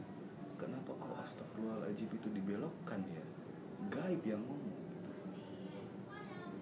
Itu yang gue sayangin Jul. tapi kan kalau buku itu yang gue sayangin kenapa kok? Maksudnya gini Hmm. jadi itu buku kan sebelum sebelum Islam masuk ke sini. Jadi Wali Songo belum menyebarkan Islam sampai ke tahap buku itu, itu buku itu cerita dari awal Majapahit masih perang sampai masuk Islam. Gitu. Nabi udah ada belum zaman itu? Ya udahlah Nabi Muhammad udah ada? Bahkan udah Jauh beberapa generasi. Bener kan? Heeh. kalau kata Nabi kan demi Allah nggak ada seisi dunia ini seisi alam semesta ini baik itu benda mati baik baik itu benda mati apalagi benda hidup. Hmm. Baik itu yang gaib maupun yang kelihatan nggak ada yang nggak tahu kalau saya itu utusan Allah Hmm. itu kata Nabi menurut gua si gaib pun tahu cerita, cerita itu. itu tahu makanya dia makanya gua makanya gue merinding adalah kan main main jobnya mereka itu untuk menyesatkan manusia Ah, paham nggak lu ah, itu Iya. yang anjing ya kayak kayak tadi itu kan ibaratnya di situ dia memberi apa dia pamit dengan pesan seperti itu Hmm. membuat si raja berpikir ya yes Nah, semoga ya kayak ibaratnya cara gampangnya semoga kamu nggak menyesal dengan pilihan gitu kan cara mainnya Dajjal juga dipakai di situ. Nah. Kalau lu nggak mau nggak mau cela- celaka anak Mm-mm. anak cucu lu, Mm. berimanlah dengan yang gue lakukan, Ya. gitu. nah sekarang berhubung lu udah terlanjur ya Ah. udah tunggu aja saatnya Yes, Gitu. gitu. Tunggu aja saatnya. Mungkin eh, anak cucu lu nanti akan bertemu Dajjal dan lu akan tahu apa ucapan Hmm. gua gitu. tapi kalau di luar konteks itu ya Hmm. yang udah terbukti saat ini guys mungkin beberapa tahun yang lalu merapi meletus ke arah barat ke arah Magelang itu itu di luar di luar kayak yang sama dengan tanda-tanda dajjal tadi me- me- Merapi meletus ke arah barat. Lalu, Lamanya. lalu ya itu kan lama ramalannya itu ada itu juga lalu Selain- percaya dengan enggak apa kalimatnya maksudnya dia? Hmm. maksudnya selain dari yang sama persis tadi itu kayak Ternyata semua mobil. terjadi dah, Ah, kan. dan sekarang udah terjadi gitu Nah maksud gue itu gue menggarisbawahi si iblis itu yang ngomong entah hal gaib apa. Gue terkadang ya itu yang gue bilang konsep mainnya itu sama kayak dajjal Hmm. gitu. Ya emang rajanya terakhir dia kok.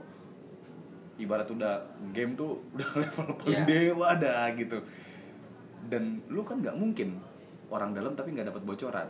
Mm-mm. Bos lu siapa sih Anu gitu. Ya lu nggak ada bocoran dari si bos gitu. nggak mungkin gitu. Yang gue takut adalah yang gue ya Allah zaman itu manusia betul-betul sangat diuji ya maksudnya. Hmm. eh, ya mohon maaf sekarang kita azan sholat. Ya tinggal kayak gitulah ujiannya tuh ujiannya Dengan diri ya- kita sendiri. iya ujiannya dengan ya udah gitu maksudnya. Ada sih hal berat tapi menurut gua so-so gitu masih bisa masih bisa ditolerir gitu. Maksud gua gila ya maksudnya. Zaman itu manusia itu dengan nggak ada kampus nggak ada sekolah gitu.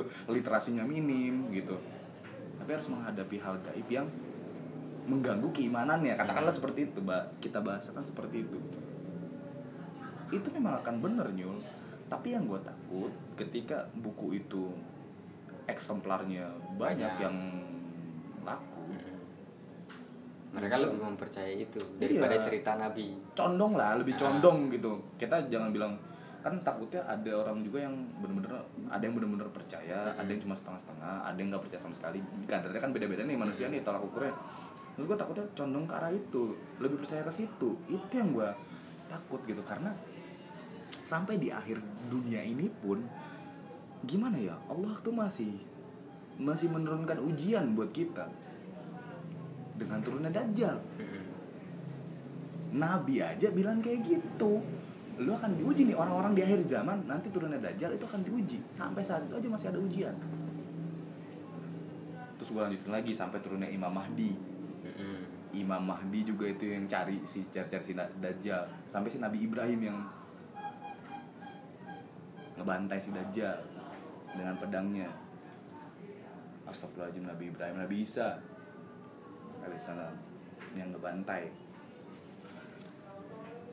Nah kalau waktu lucunya gobloknya Dajjal dia kan tahu kapan gue hidup kapan gue mati. Karena tingkatannya iblis dan gaib itu sebenarnya lebih tinggi dibanding kita. Mm-mm. ke bidang keilmuan ya Ya. intinya orang pinter lah dia. Dosen lah dia. Cuman yang ditunjuk mahasiswa kan anjing gue nggak boleh beriman gue kesel. Orang gue kemampuan gue lebih dia tahu banyak si Dajjal gue tahu kapan gue muncul gue tahu kapan mati. Gue dibunuh sama nabi nanti ujungnya. Hmm. gue dibunuh sama nabi Isa. Diketok pintu tuh kerajaannya dia. Dia udah bentuk kerajaan seluruh dunia udah dikuasain sama dia. Mm. datanglah Imam Mahdi sama Nabi Isa. Bawa pasukan. Ketok pintu. Siapa atau penjaganya? Saya Isa alaihissalam saya datang mau bunuh Dajjal. Dengan iya kepedean biasa. Datang gitu siapa yang datang Isa alaihissalam katanya datang mau buka pintunya. Benar kebunuh pakai pedang. Buka pintunya mau dilawan sama dia. Hmm. tapi ternyata dia pinter dia tahu tapi dia mau ngetes gitu. Wah masa sih gue bisa gue bantai gitu duel aja lu satu lawan satu gue goblok kan gitu lucu ini orang. Tapi kan mungkin sebagian orang gue pun sebelum denger kisah ini pas gue denger gue ketawa anjing kelakuan kayak gue enggak kalau kalau gue menanggapi gini. Iya. Dia tetap tetap beriman kok sama Allah. Eh. si Dajjal tetap beriman sama Hmm. Allah karena dia menjalankan apa yang semestinya dia jalankan. Semestinya Iya, dia kan? jalankan kayak gimana? Ya kan itu. Dia udah tahu kapan dia bangkit. Dia udah tahu kapan dia mati. Itu kan tugas dia kan? Iya kan? Kan Allah yang memberi tugas dia seperti itu. Dia melakukan hal itu bukan konteks untuk beriman sebetulnya. Terus? Gue sebenarnya dari awal emang udah mau belok karena gue sakit hati gue dendam. Hmm, diciptakannya manusia. Ditentukannya manusia sebagai makhluk paling sempurna. khalifah Nah. pemimpin. Boleh dibilang awalnya kan mereka beriman Iya. segala macam. Boleh tapi kalau konteksnya pas setelah ditentukan itu kesal dia ibaratnya gedek tau gak lu? Hmm, gue agak kurang setuju kalau misalnya dibilang uh, mereka masih beriman setelah ditentukan manusia sebagai khalifah. Gue agak gak setuju tapi kalau sebelum itu emang bener tuh. Semuanya Hmm. sebelum si Nabi Adam metik buah itu diturunkanlah ke bumi. Hmm, tapi dia mm, dia lebih ke arah self oriented kebutuhan diri gue bahwa gue gue ini udah ngebangkang gitu. Dan gue udah dikutuk bahwa gue akan ma- masuk sebagai penghuni neraka. Dan gue nggak mau sendiri.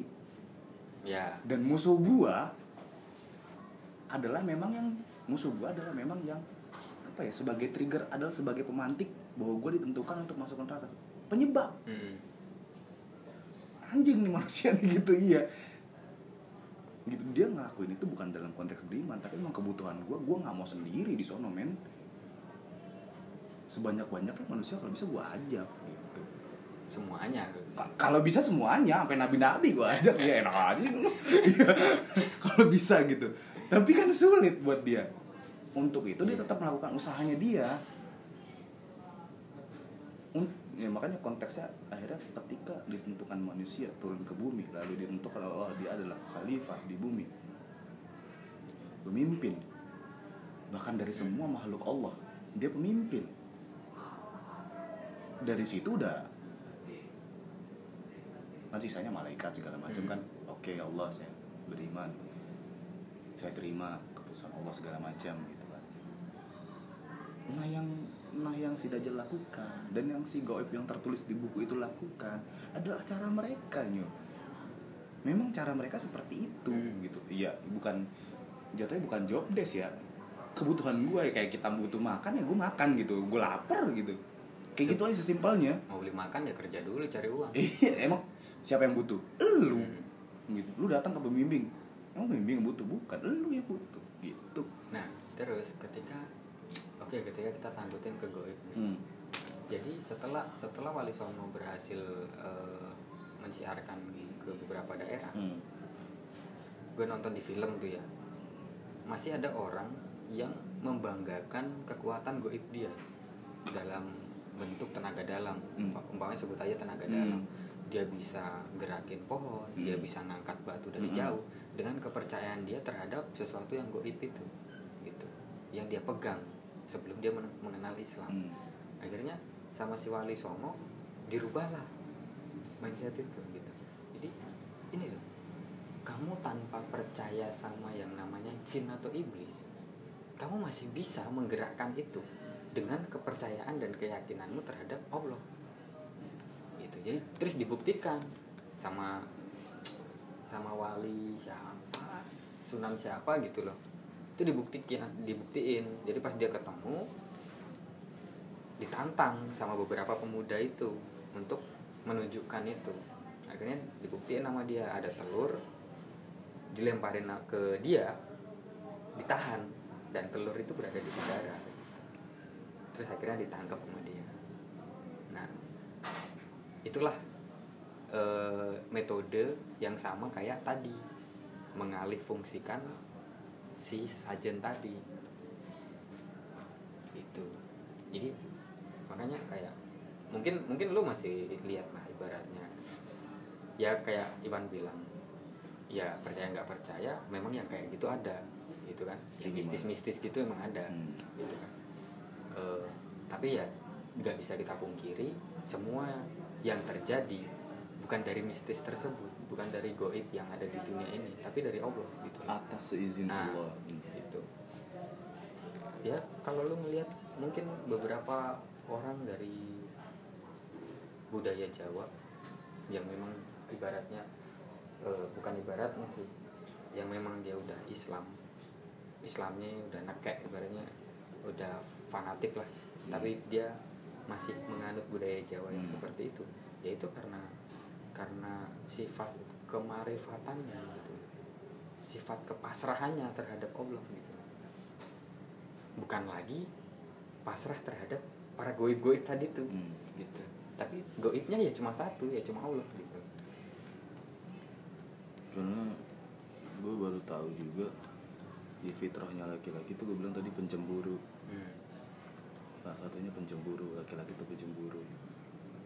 Ada satu kejadian sahabat Nabi pulang ke rumah ke rumahnya dia. Hmm. menemukan istrinya itu berhubungan entah itu berhubung seks atau cuma ngobrol doang Hmm. atau kayak gimana nggak ngerti. Gambarnya itu cuma berhubungan dengan laki-laki lain.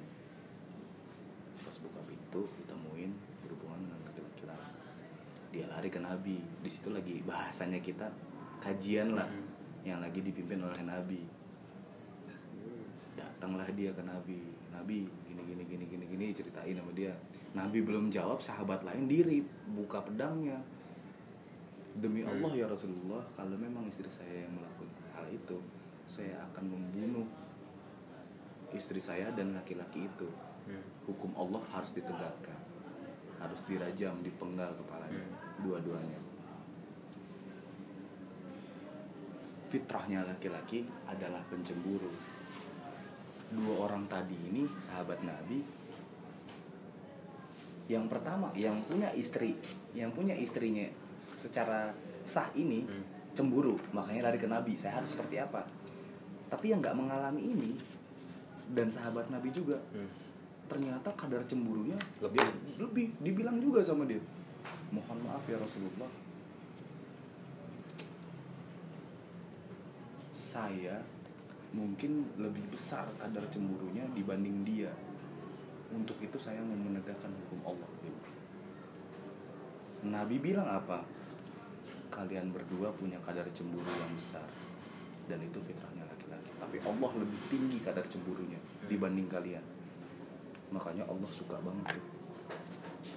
Ketika Allah punya rasa cemburu yang maha cemburu Allah tuh maha cemburu makanya dijadikanlah dosa besar itu musyrik. Tahu kan lo kenapa maha cemburu? Nah, akhirnya gue gue ya di kepala gue ada suatu apa ya pengoperasian sistem gitu. OS gue bekerja tuh. Oh iya iya iya.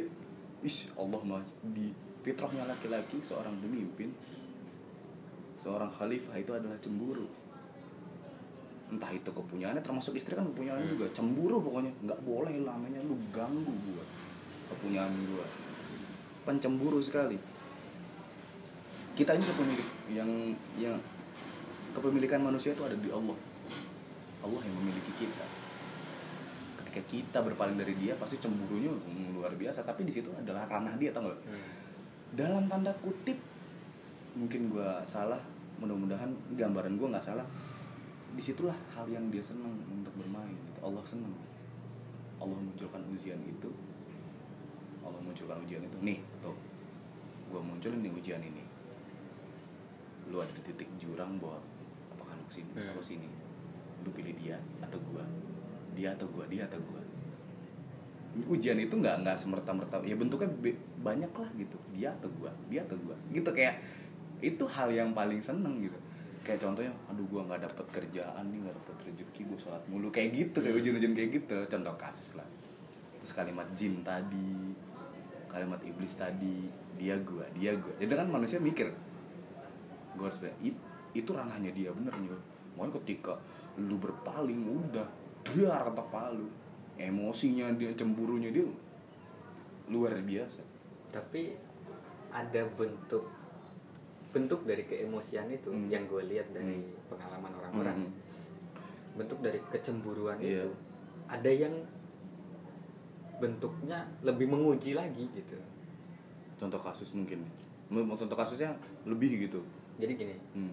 udah ketok palu nih Hmm. udah lu musyrik gitu Hmm. tapi dia gejorin nikmat gitu loh lu minta apa dikasih gitu ini dari Allah bukan dari siapa-siapa lagi lu paham maksudnya apa Iya, mak- maksudnya menguji kan? Iya lu lu Nah. paham maksudnya apa? Maksudnya apa gimana? Ya maksud dari eh, kisah itu gitu kenapa Allah kayak begitu? Kenapa Allah kok ketika dia udah masih masih digituin? Ah makanya gue iya. gue bilang kan eh, emosinya mungkin bagi orang itu indah gitu. Hmm. emosinya Allah dari bagi orang itu mungkin indah. Terlihat indah bagi Nah, dia lah bagi gitu dia. ya.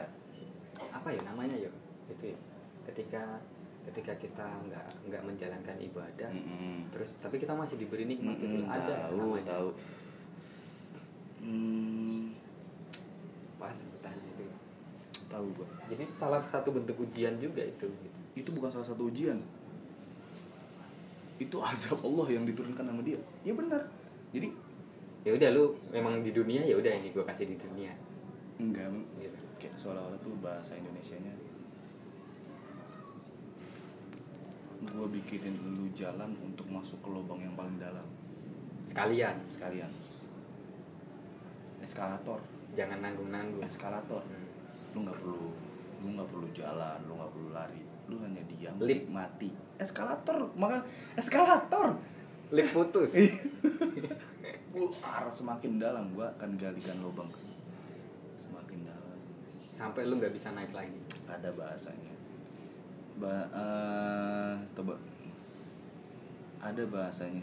Itu yang gue bilang gue takut. Salah satunya ketika memang eh,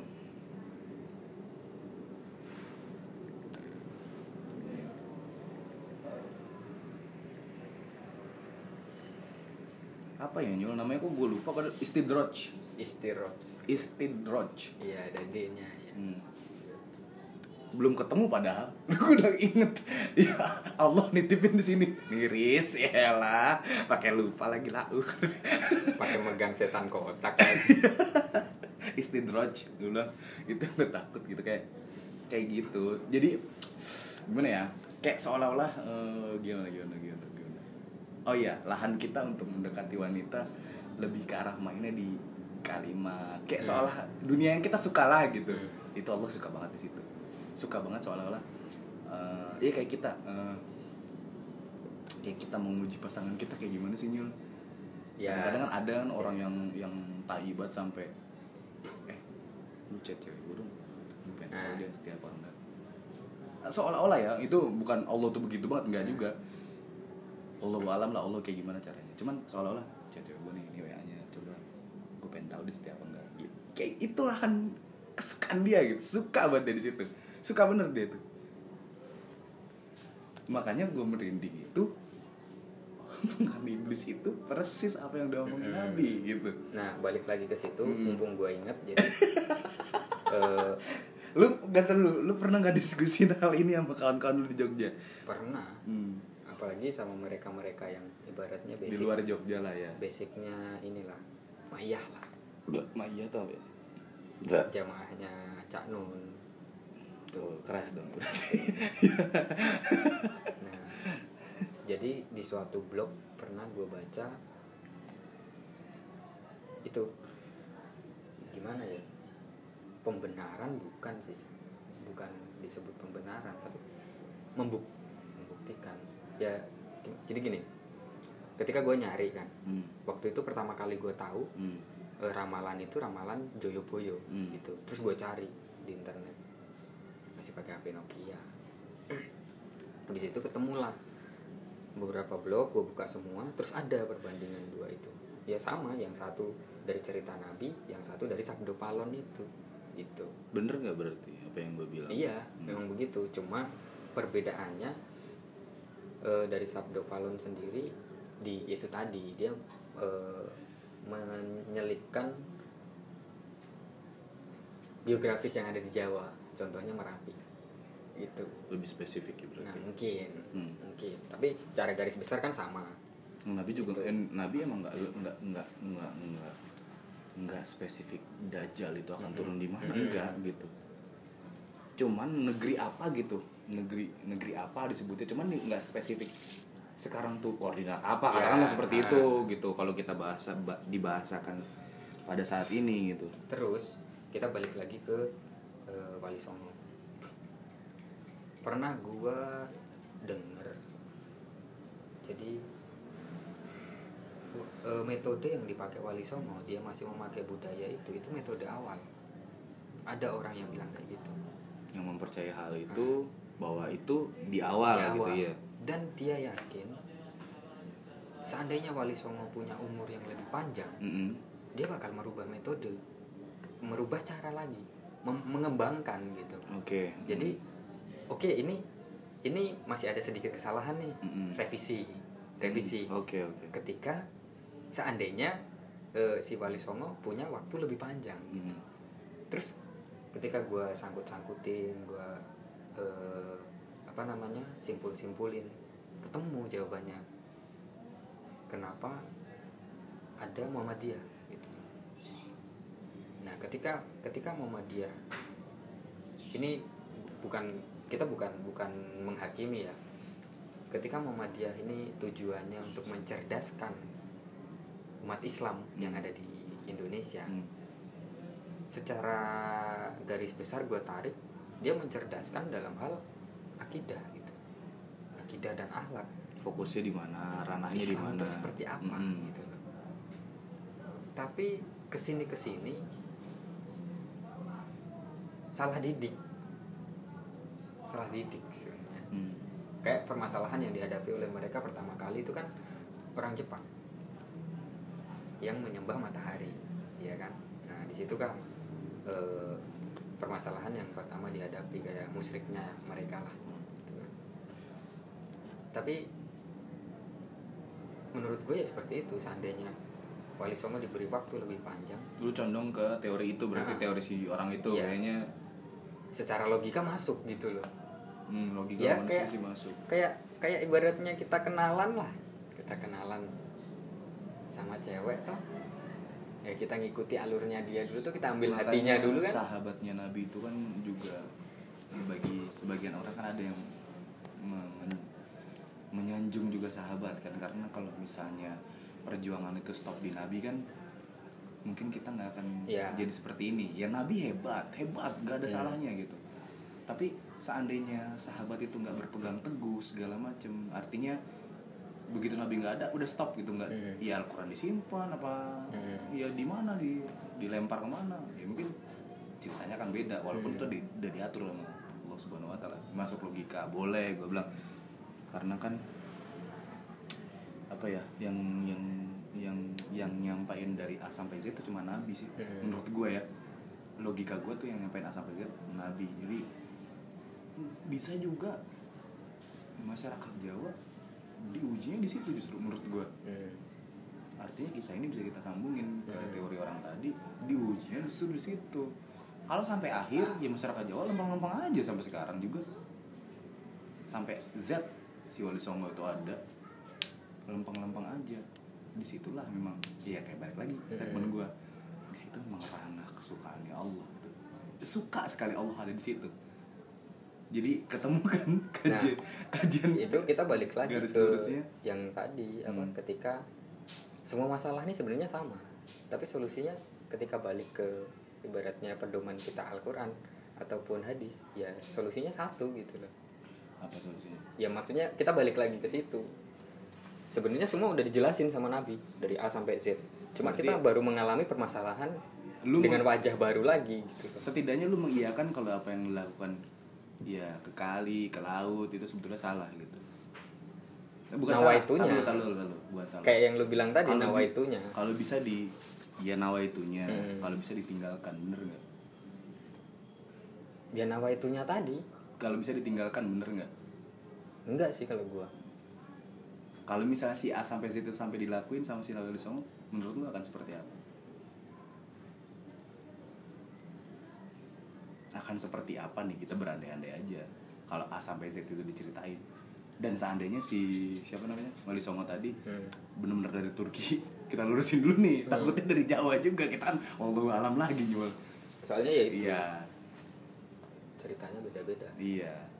Soalnya kalau misalnya itu di garis dilurusin dari Turki kan berarti mereka udah paham cerita sebenarnya di sana tuh kayak gimana udah paham. Itu satu poin. Yang kedua dia nggak pernah ke kali ke laut. Dia kan bukan orang Jawa. Gitu iya dong gitu. Nah menurut gua yang gue takut oke balik lagi ke Nawa itu yang gue takut terjebak di Nawa itu itu. Mm-mm. terjebak di Nawa itu perputaran logika ini itu segala macam memproseskan tadi karena di sini ini ya jurangnya tuh ada di sini justru. Paham gak lu? Jurangnya tuh ada di dalam kepala ini nih.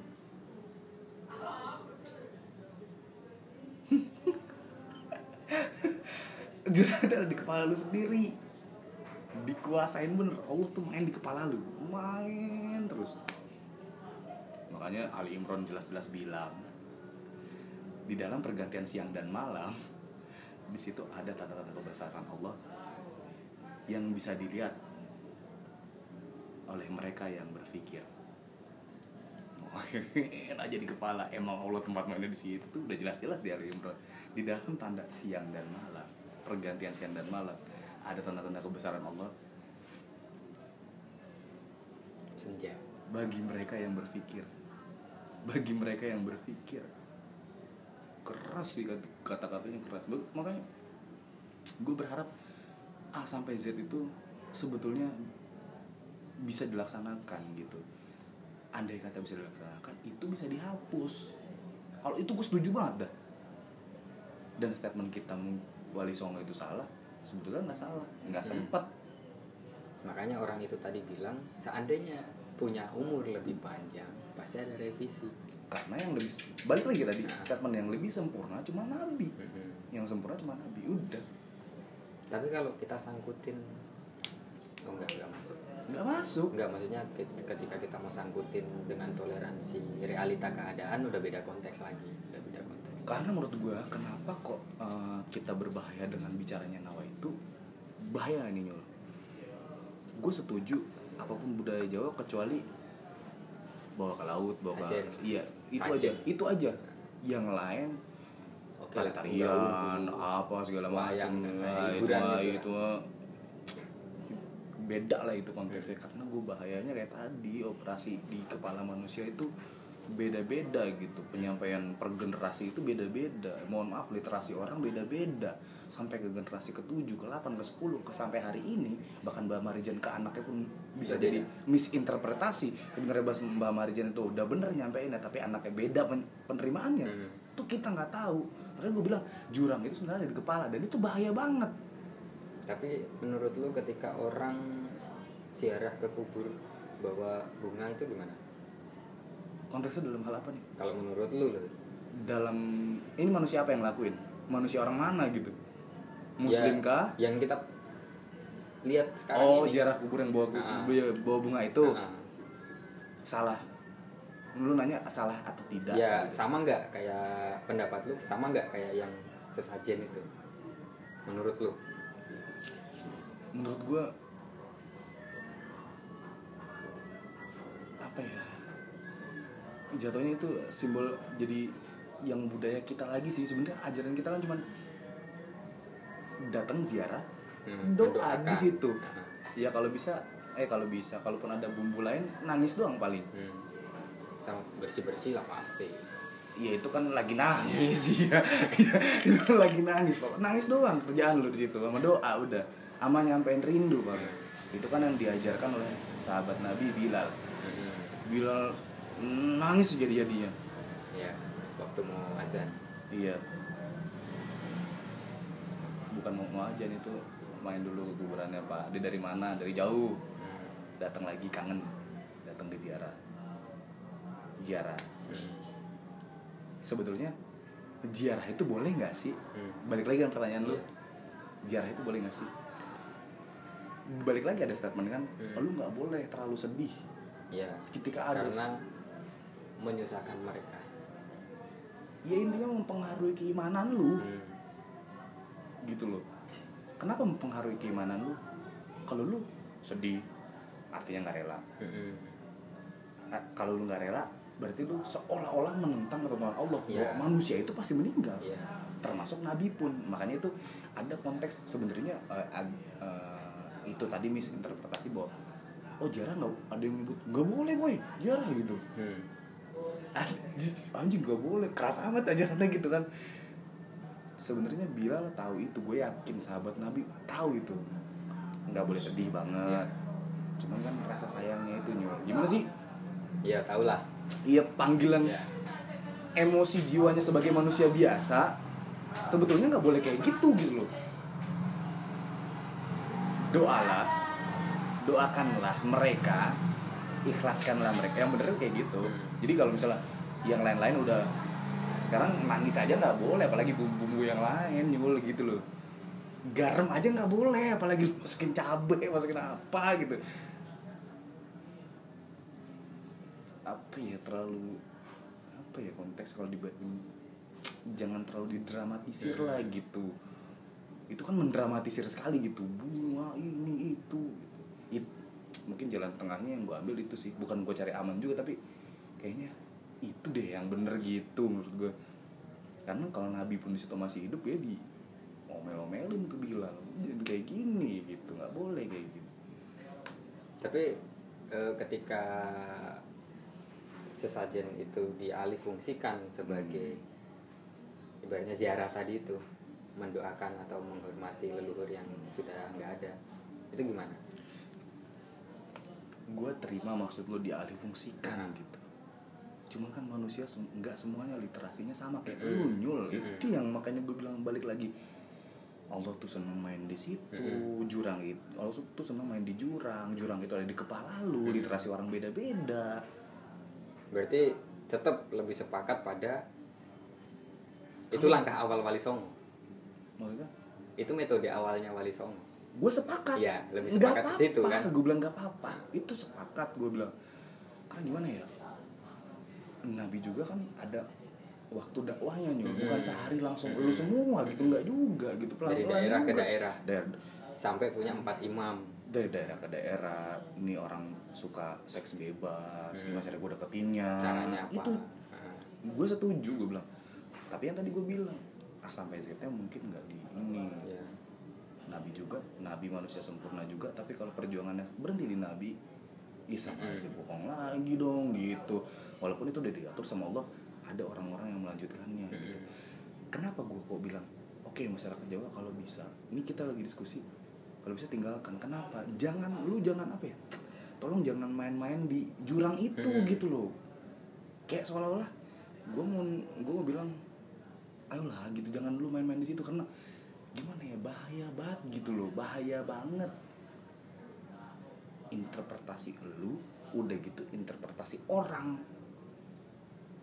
Paham gak lu? Iya. sebenarnya yang tadi gue balik lagi susah nyul ngapus kebiasaan tuh. Aduh Tapi kalau kalau gue nih ya, yang gue alamin ya, oke mungkin di lingkungan keluarga kayak di Simba, Mm. mungkin masih ada kayak gitu. ya Jadi, it- jadi jangan susah lah kalau misalnya apa ya pemikiran kita mau diterapkan ke orang lain. ke orang lain bahwa dari contohnya Hmm. nabi pamannya pun Hmm.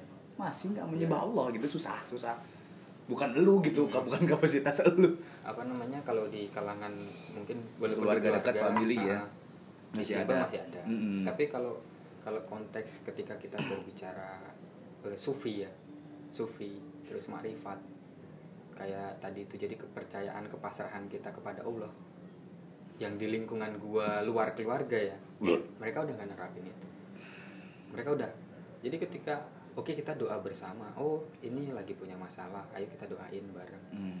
itu punya cara sendiri entah zikiran bareng entah kita sholat hajat bareng Hmm. atau sholat sunnah eh, di malam hari bareng Hmm. gitu bareng tapi nggak nggak secara imam dan makmum Hmm. tetap sendiri sendiri tapi serentak bareng gitu dan udah nggak ada yang pakai kayak gitu jadi kayak bakar menyan lah Hmm. terus sajen lah itu udah nggak ada tapi kalau di keluarga masih ada. Ketika masih ada tapi tujuannya hanya untuk ziarah tadi itu. Oh bikin sajian di rumah ketika petonnya umpamanya ya tadi itu rebu legi apa apa gitu kan. Terus eh, bunganya eh, kayak pisang dan apa biarin di rumah tapi bunganya dibawa ke kuburan disirami. Hmm, analoginya kayak gini lu Gitu. bermain-main di jurang itu. Lu mau perempuan dalam kondisi telanjang di satu kamar. Hmm.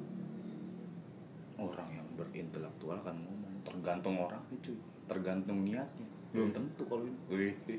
Kayak seolah-olah dia menantang fitrahnya manusia Hmm. gitu. Bahwa manusia udah ditiupin nafsu di situ.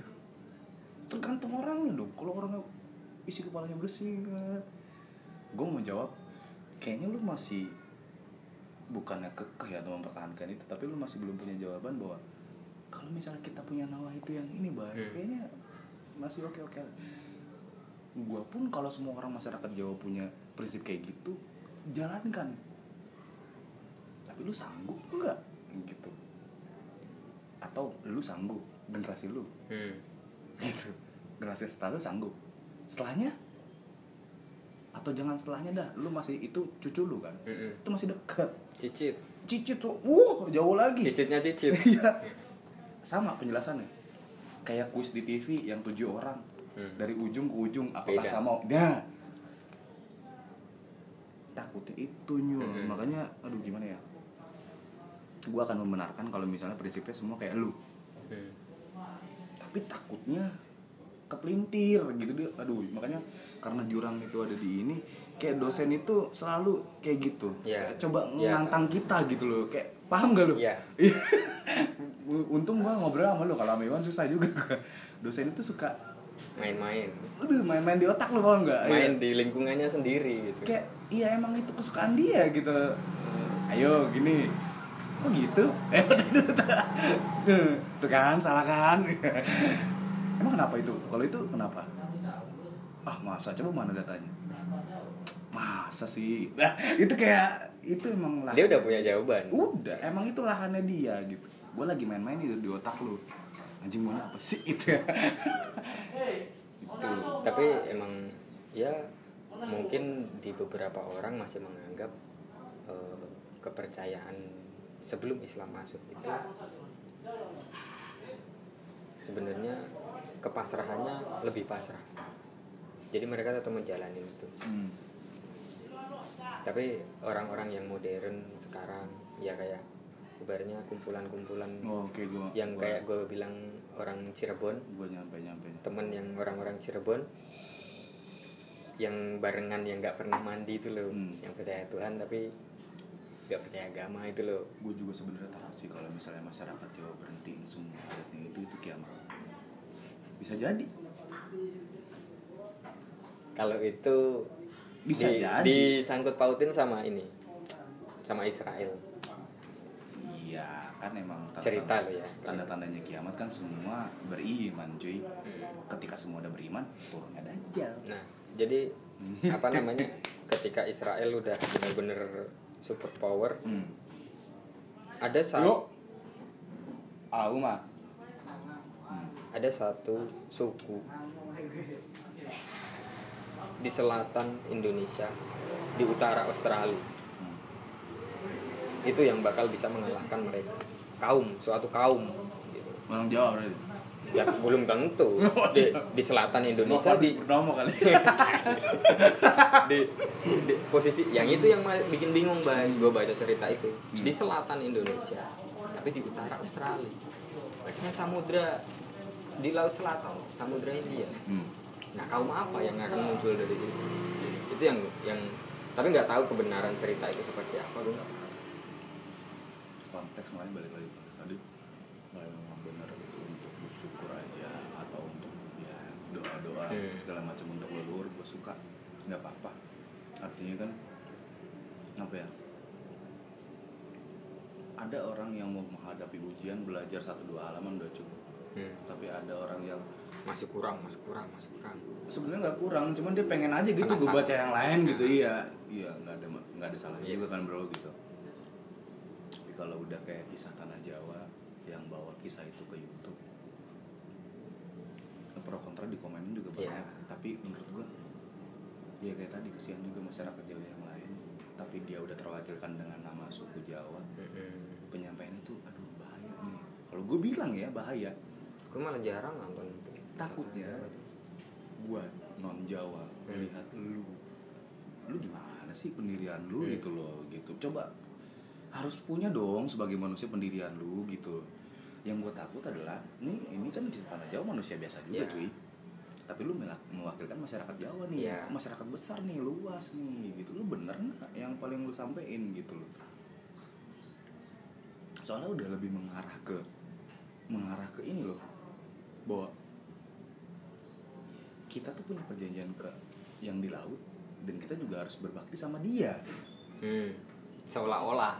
Seolah-olah mengarah ke situ. Kan gue bilang di jurang. Iya. Itu kan tergantung literasinya kayak gimana Mm-mm. yang nangkep bahasa itu. Itu yang berbahaya nyul. Aduh dalam banget omongannya. Bingung gitu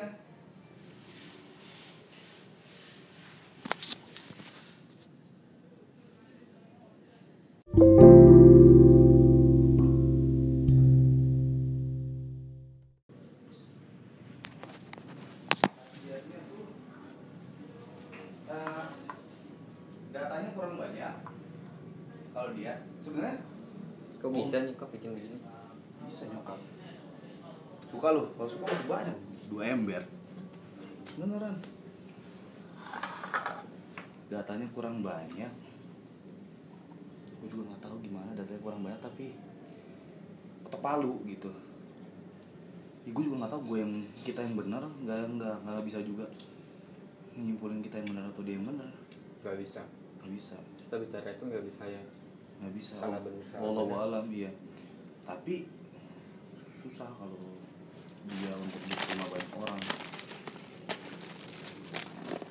gitu andaikan gua andaikan lu non muslim andaikan Manyul non muslim tapi ngobrol dengan Pak Jim yang seperti itu susah diterima masuknya jadi setelah sedewasa ini ibaratnya gue mendalami hal-hal apa ilmu seperti itu hmm. yang gue dapet bahkan dari beberapa teman juga yang non muslim ketika kita nyebut kejawen Hmm. yang namanya kejawen itu gue menyimpulkannya kepasrahan kita terhadap Tuhan. Itu titik mahrifat itu tingkat kesufian kita di situ gitu. masalahnya apa? Ada beberapa teman yang dia menjalani kejawen dengan cara ya kekatolikan dia kekristenan dia. Ada beberapa teman menjalani kejawen dengan kehinduan dia kebudayaan dia gitu dan ada teman-teman lain menjalani kejawen dengan keislaman dia gitu Nah, jatuhnya budaya sih sebenarnya itu. Nah. Eh, ya cultural ya dibahas di cultural, cultural studies itu Hmm. budaya orang yang ada di situ gitu. tapi di sini konteksnya gini jadi kita ngomong kejawen yang gue tangkap dari beberapa temen ini tidak melulu tentang sesajen gitu Iya, di situ kan ya, di dalam di dalam lingkup satu budaya Iya. gitu. Makanya ketika ketika si Jawa ini punya budaya, yang lain-lain fine fine aja. hmm. Tapi makanya kan gue bilang deal-dealannya sama si Wali Songo ini kayak gimana? Hmm. Itu akhirnya muncul pertanyaan gue. ya Bener nggak? sebenarnya itu bukan deal-dealan gitu. Hmm, gitu.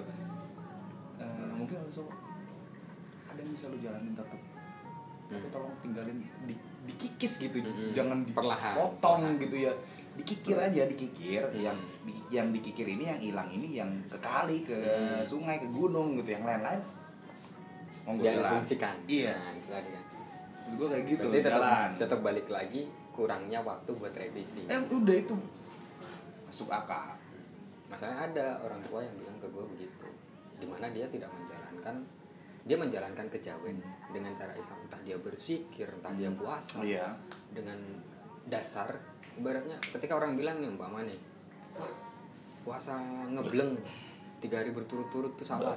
Tapi dia beracuan ke Nabi puasa Daud di mana ketika tanggal sekian sekian sekian. Sekian sekian sekian di pertengahan bulan Hmm. gitu kan. Ah, kan ada kan? Nah itu. Dia menjalankan itu semua. Sunah-sunah Nabi yang itu dengan eh, dengan tujuan lebih mendekatkan lebih memasrahkan dirinya kepada Allah gitu. Tapi nggak ke sungai enggak dia dia enggak seperti itu. Iya. Tapi tetap dia ziarah ke orang tuanya ke saudaranya tetap kalau itu tetap terus ngejalanin apa? Takziah seribu hari itu masih ada gitu. Cuma untuk sesajen dalam konteks ibaratnya keluar jalur udah nggak ada. Nggak dijalanin sama orang itu. Bahaya orang sebagai gimana ya? Ya kayak yang gue ceritain dia punya satu ruangan kosong bener-bener kosong. Terus tahu-tahu dia keluar dari ruangan itu bawa kurma gitu. yang gue ceritain itu. Jadi seolah-olah kayak dia melintasi batas waktu entah ke mana terus balik lagi ke situ gitu. Atas kuasa Allah gitu. Ketika ditanya ketika ditanya "Lu dari mana ini? Dari Mekah bawa kurmanya kayak harus ada sih dalam dalam dalam benak lu kayak gitu kayak gue juga mikirin Bima itu seperti apa Hmm. Orang itu seperti apa budaya itu kayak gimana harus ada sih dalam awarenessnya lu sebagai orang Jawa tuh harus ada gitu jangan jangan sampai gue malah kalau gue nih ya Hmm. malah jujur ketika ketika lu mau nanya gue hmm, ke bab bunga bab sajen gitu dari gue tahu ibaratnya gue ngerasain yang namanya kepasrahan terhadap Tuhan itu adalah sesuatu yang hebat. Di mana kita percaya bahwa ya kita benar-benar menjalankan omongan orang Jawa mbok yo sing opo onone? Hmm. itu kan tingkat mahrifat paling tinggi baik Hmm. mbok yo sing opo Sabar onone? aja. ya kan? Ya udah apa adanya aja diterima kan? Itu tingkat mahrifat paling tinggi loh ketika gue menyadari itu ketika oke semua kita pasrahkan lah ke Allah pasti ada kok jalan. Ketika kita dikasih ini ayo jalanin. Kasih ini jalanin. Gimana caranya? Supaya besok kita dikasih lagi gitu loh. Jangan sampai menyia-nyiakan takdir ini dan besok nggak dikasih lagi ketika kita minta kan? Nah ketika gue sadar Kufur itu nikmat. mungkin sekitar SMP kali. Soalnya eh, di situ gue penasaran waktu gue pulang ke Sulawesi bapak nanya lu udah naik gunung terus? Lu dapet apa ke gunung gitu? Kan banyak itu di gunung. Gue nggak ngerti pada waktu itu. Kan banyak di gunung. Kenapa nggak diasah? Bapak bilang gitu. Gitu? nah pas gue pulang balik lagi ke Seragen bingung mikir mikir apa hal goib atau apa? Gue mikir gitu akhirnya curhat sama guru SMK gue diomongin gini gini gini. Oh berarti kamu menurut bapakmu mungkin kamu punya eh, indera yang seperti ini atau gimana? Kamu punya kepekaan yang seperti ini yang perlu dipertajam. Nah akhirnya di, distir lah sama dia. Di, eh, kebetulan eh, apa namanya? Beliau ini. Lingkup ling, sekolahku kan Muhammadiyah tapi guruku ini bukan bukan bukan fanatik Muhammadiyah gitu. Dan dia menganut kejawen juga. Nah digiring lah ke situ. Ini guru-guru TKJ waktu itu guru jurusan. Set teknik Berdiri. komputer jaringan tapi digiring ke situ. Iya. Udah kamu kalau kalau pengen ngasah itu jalanin puasa gini gini gini. Kamu sikiran gini gini gini gitu. Terus gue balik lagi ke situ takut nyasar. Masalahnya apa? Cuma satu orang. Gue belum belum yakin yang giring gue cuma satu orang gue belum yakin. Gue googling googling eh, perdebatan antara puasa atau apa terus eh, takziah 100 hari 40 hari dan lain-lain. Gue googling semua tuh. Oh ternyata ada dasarnya. Ketika kita disangkutin ke sunnah nabi ibaratnya. Oh ya udah jalanin jalanin. Nah dari situ. Beberapa kali dah pokoknya bapak nyuruh ini udah mau puasa sana ziarah ke kubur simbah. Nggak gue jalanin pak. Hmm. Gue nggak jalan ke kuburan. Hmm. terus ziarah di sono. Kan enggak doa dari rumah. Di suatu malam pokoknya gue disuruh siang di malamnya ya udah gue sholat. Terus kirim doa lah Hmm. gitu. Udah gitu. Tapi ketika gue mau pulang nih eh, main ke tempat saudara di kampungnya bapak mampir dulu ke kuburannya. Bersih bersih doang. Nyapu cabutin rumput udah langsung bablas gitu jadi sampai bapak pernah nyuruh gue pada waktu SMK itu pada hari apa gitu lupa lupa gue disuruh air taruh gelas kasih bunga taruh di atas pintu. Pintu kan ada lubangnya tuh taruh di atas pintu. Buat apaan? Teman gue ada yang bilang gak usah nanti anu bapakmu tahu semua aktivitasmu. Gitu teman gue ada yang bilang gitu. Oh yaudah gak usah lah gak usah gue taruh gitu. Jadi selama selama gue tahu apa namanya yang namanya kejawen yang namanya tingkat makrifat dalam Islam itu seperti apa kepasrahan manusia terhadap Tuhan. Gue nggak pernah menjalani itu. Bakar menyan mau bunga dan lain-lain nggak pernah. Enggak, gue bukannya lu menjalankan atau enggak. Menurut gue karena lu punya apa ya mungkin pengalaman yang lebih luas atau lebih modern. OS lu dibanding Iwan tuh lebih maju OS lu gitu.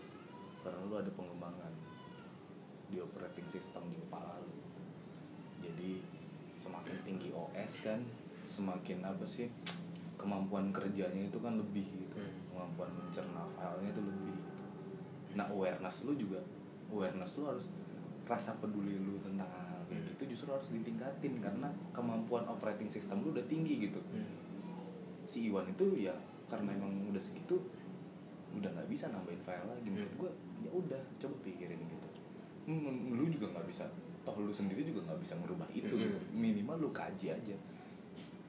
Mana sih yang apa yang rapuh? awalnya tuh seperti apa pertengahan itu seperti apa at the end hari ini tuh seperti apa gitu yang yang mana yang oke bisa dijalankan yang Hmm. mana oh kayaknya ini bukan nggak bisa dijalankan masih dalam taraf "Ih, berbahaya nih gitu mungkin bisa jadi benar Hmm. bisa jadi salah artinya ya gitu bener-bener jurang Hmm. gitu kan Ti- tipis bener-bener tipis udah kayak pertemuan antara laut sama pantai gitu Hmm.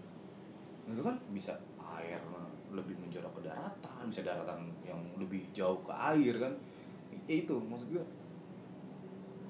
kadang fenomena-fenomena kayak gitu jadi suka gue ngebahas di kepala gue gitu bahwa eh, tapi juga jangan kebablasan karena kebablasannya manusia itu ya merasa operasi operating sistemnya itu sanggup benar. paling bener jadinya wadaw gitu kan ngeri makanya juga kayak, kayak tadi kan gue belum percaya dengan satu orang ini gitu Hmm. jadi gue masih butuh pendamping yang lain gitu. Mm-mm. tapi juga ya makanya gue bilang kadang-kadang manusia kalau udah kebablasan juga sotoy bahkan dia mau menantang langit gitu. Iya iya dong. Bener nggak? Makanya gue bilang ngomong itu kudu mikir gue analogi sama lu udah sebetulnya gue pengen bilang lu udah lu coba deh uh, apa namanya kalau memang lu itu literasi dalam status gue itu literasinya udah tinggi kemampuan lu tinggi jadi wah wah wah nggak ada jeda gitu. Jadi seolah-olah nimbulin kesan kayak udah sembarangan gitu mau ya udah Hmm. pengetahuan udah tinggi kok. Kok-kokan. suar suar suar suar suar suar. Kayak ya analoginya kayak lu udah. Udah sembarangan nggak mesti. Tau tau kena sini kena sana kena ini. Bahkan gue pengen tadinya yang gue bilang lu udah di motor itu gue pengen bilang lu udah ke atas gitu. Karena mau nantang langit kan. Lu coba lu udah ke atas kan kamu kalau sendiri bahkan langit itu nggak perlu ngapa-ngapain gitu. Itu udah kenal sendiri. Nah yang kebablasan juga gitu. Karena memang udah garis udah fitrahnya manusia otaknya segitu. Walaupun bisa berkembang tapi kembangnya cuma segitu. Kayaknya ya mungkin ya mungkin awal-awal kemarin lu lihat gua ibaratnya eh, tengah malam sepertiga malam ini emang jinnya datangnya udah begitu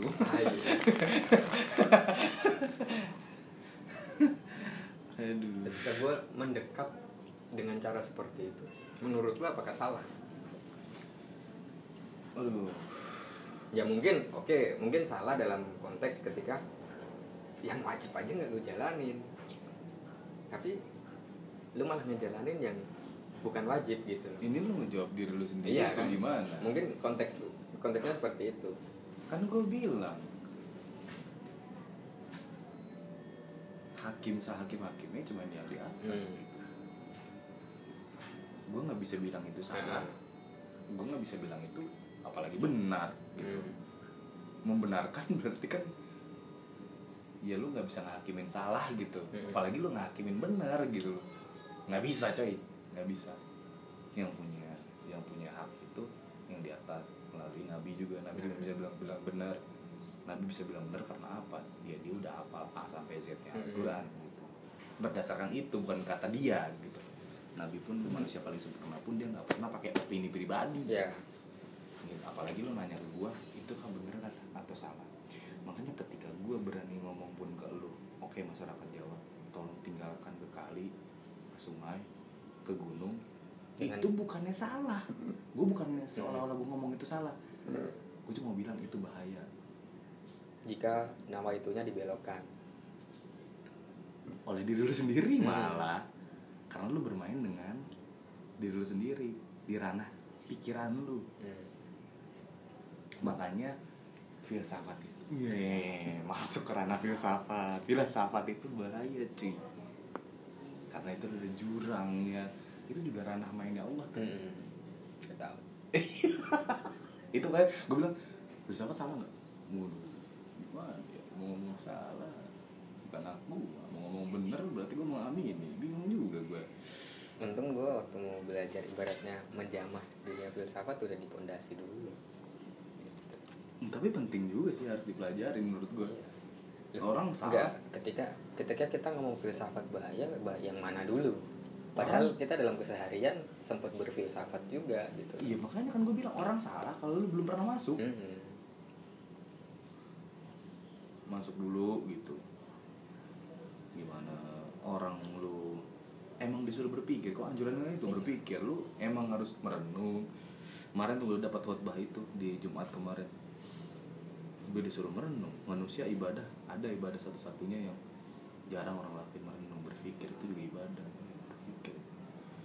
lu berpikir nih lu emang dikasih otak dikasih akal di- dikasih akal pikiran untuk apa? Berpikir. Tapi lu harus sadar juga bahwa otak lu itu ada batasnya. Hmm. Cuma satu persen, 0,1 persen bahkan, Lu ada 0,001 persen. saatnya makanya kan gue bilang. Duh bahasa literasinya kalau orang bisa gue juga nggak bilang diri gue ini sanggup memahami itu juga. Cuman dari dari kalimat itu bahwa emang kita dianjurin berpikir tapi juga kita harus sadarin bahwa kemampuan kita kecil Hmm. tapi anjuran tetap berpikir gitu Berpikirlah semampumu. berpikir berpikir berpikir kayak gimana telah telah telah seperti apa bisa jadi bisa jadi yang kayak tadi gue bilang ketika masyarakat Jawa sudah meninggalkan semua budayanya yang nggak benar Hmm. yang berbahaya dalam konteks bermain-main dia dalam situ itu benar-benar tandanya kiamat Hmm. atau semua budaya Jawa ditinggalkan balik ke syariat Islam itu ada tanda kiamat. Itu awalnya kayak gini nih ada Hmm. dua orang gue bukan bercanda ada dua orang yang memang menjalankan perintah Allah. Apa? Berpikir merenung. Sebenarnya salah nggak sih? Sebenarnya benar nggak sih? Sebenarnya ini nggak sih? Oke kita balik ke Al-Quran. Buka. Dasar apa kok begini? Kok begini? Wah bahaya juga ya kemarin. Tapi dulu kita kayak gini. Wah tapi nggak bisa nih kalau misalnya kita udah komit. Tapi kita komit ya balik lagi ke Al-Quran. Wah ini bahaya nih. Salah kayak gini udah semua tinggalin. Hmm. kiamat dah di awalnya itu karena ngejalanin berpikir dulu. Ya katakanlah masyarakat Jawa semua udah S1 dah minimal. Hmm. waduh itu ya begitu awalnya. Karena menjalankan ibadah tadi tuh berpikir salah juga ketika lu apa ya salah juga ketika manusia menurut gua dikasih tahu sama orang tuanya plak-plak ditelan Hmm.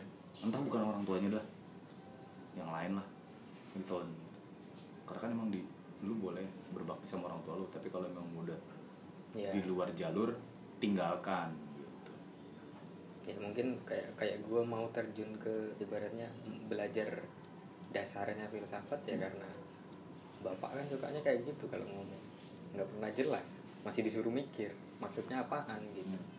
Ya kayak contohnya lah nih lu udah selesai kuliah nih uang segini nih terserah lu mau ngapain gitu.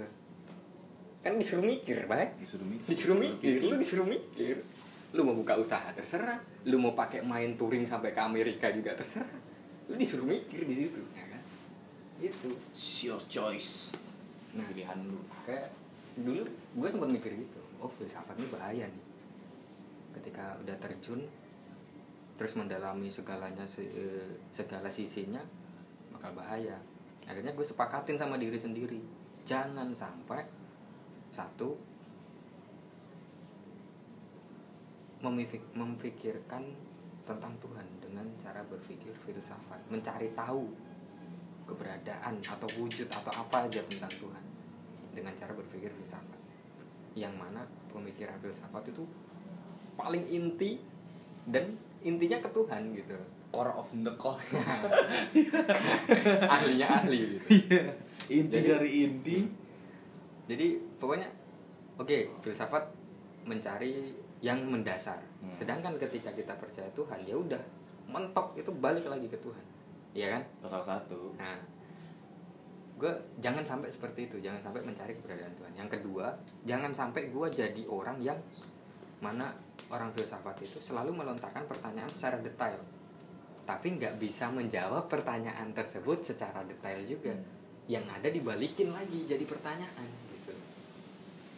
Itu pondasi gue waktu mau mempelajari eh, bercritical thinking itu.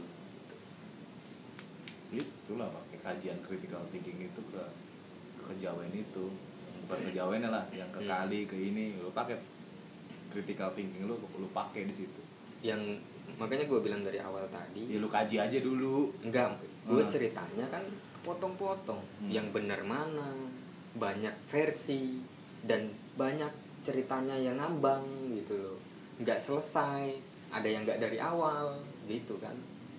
Tapi Banyak sebelumnya lu tahu cerita itu aja tuh yang yang di buku itu ternyata udah diomongin sama Nabi lu tahu Tahu.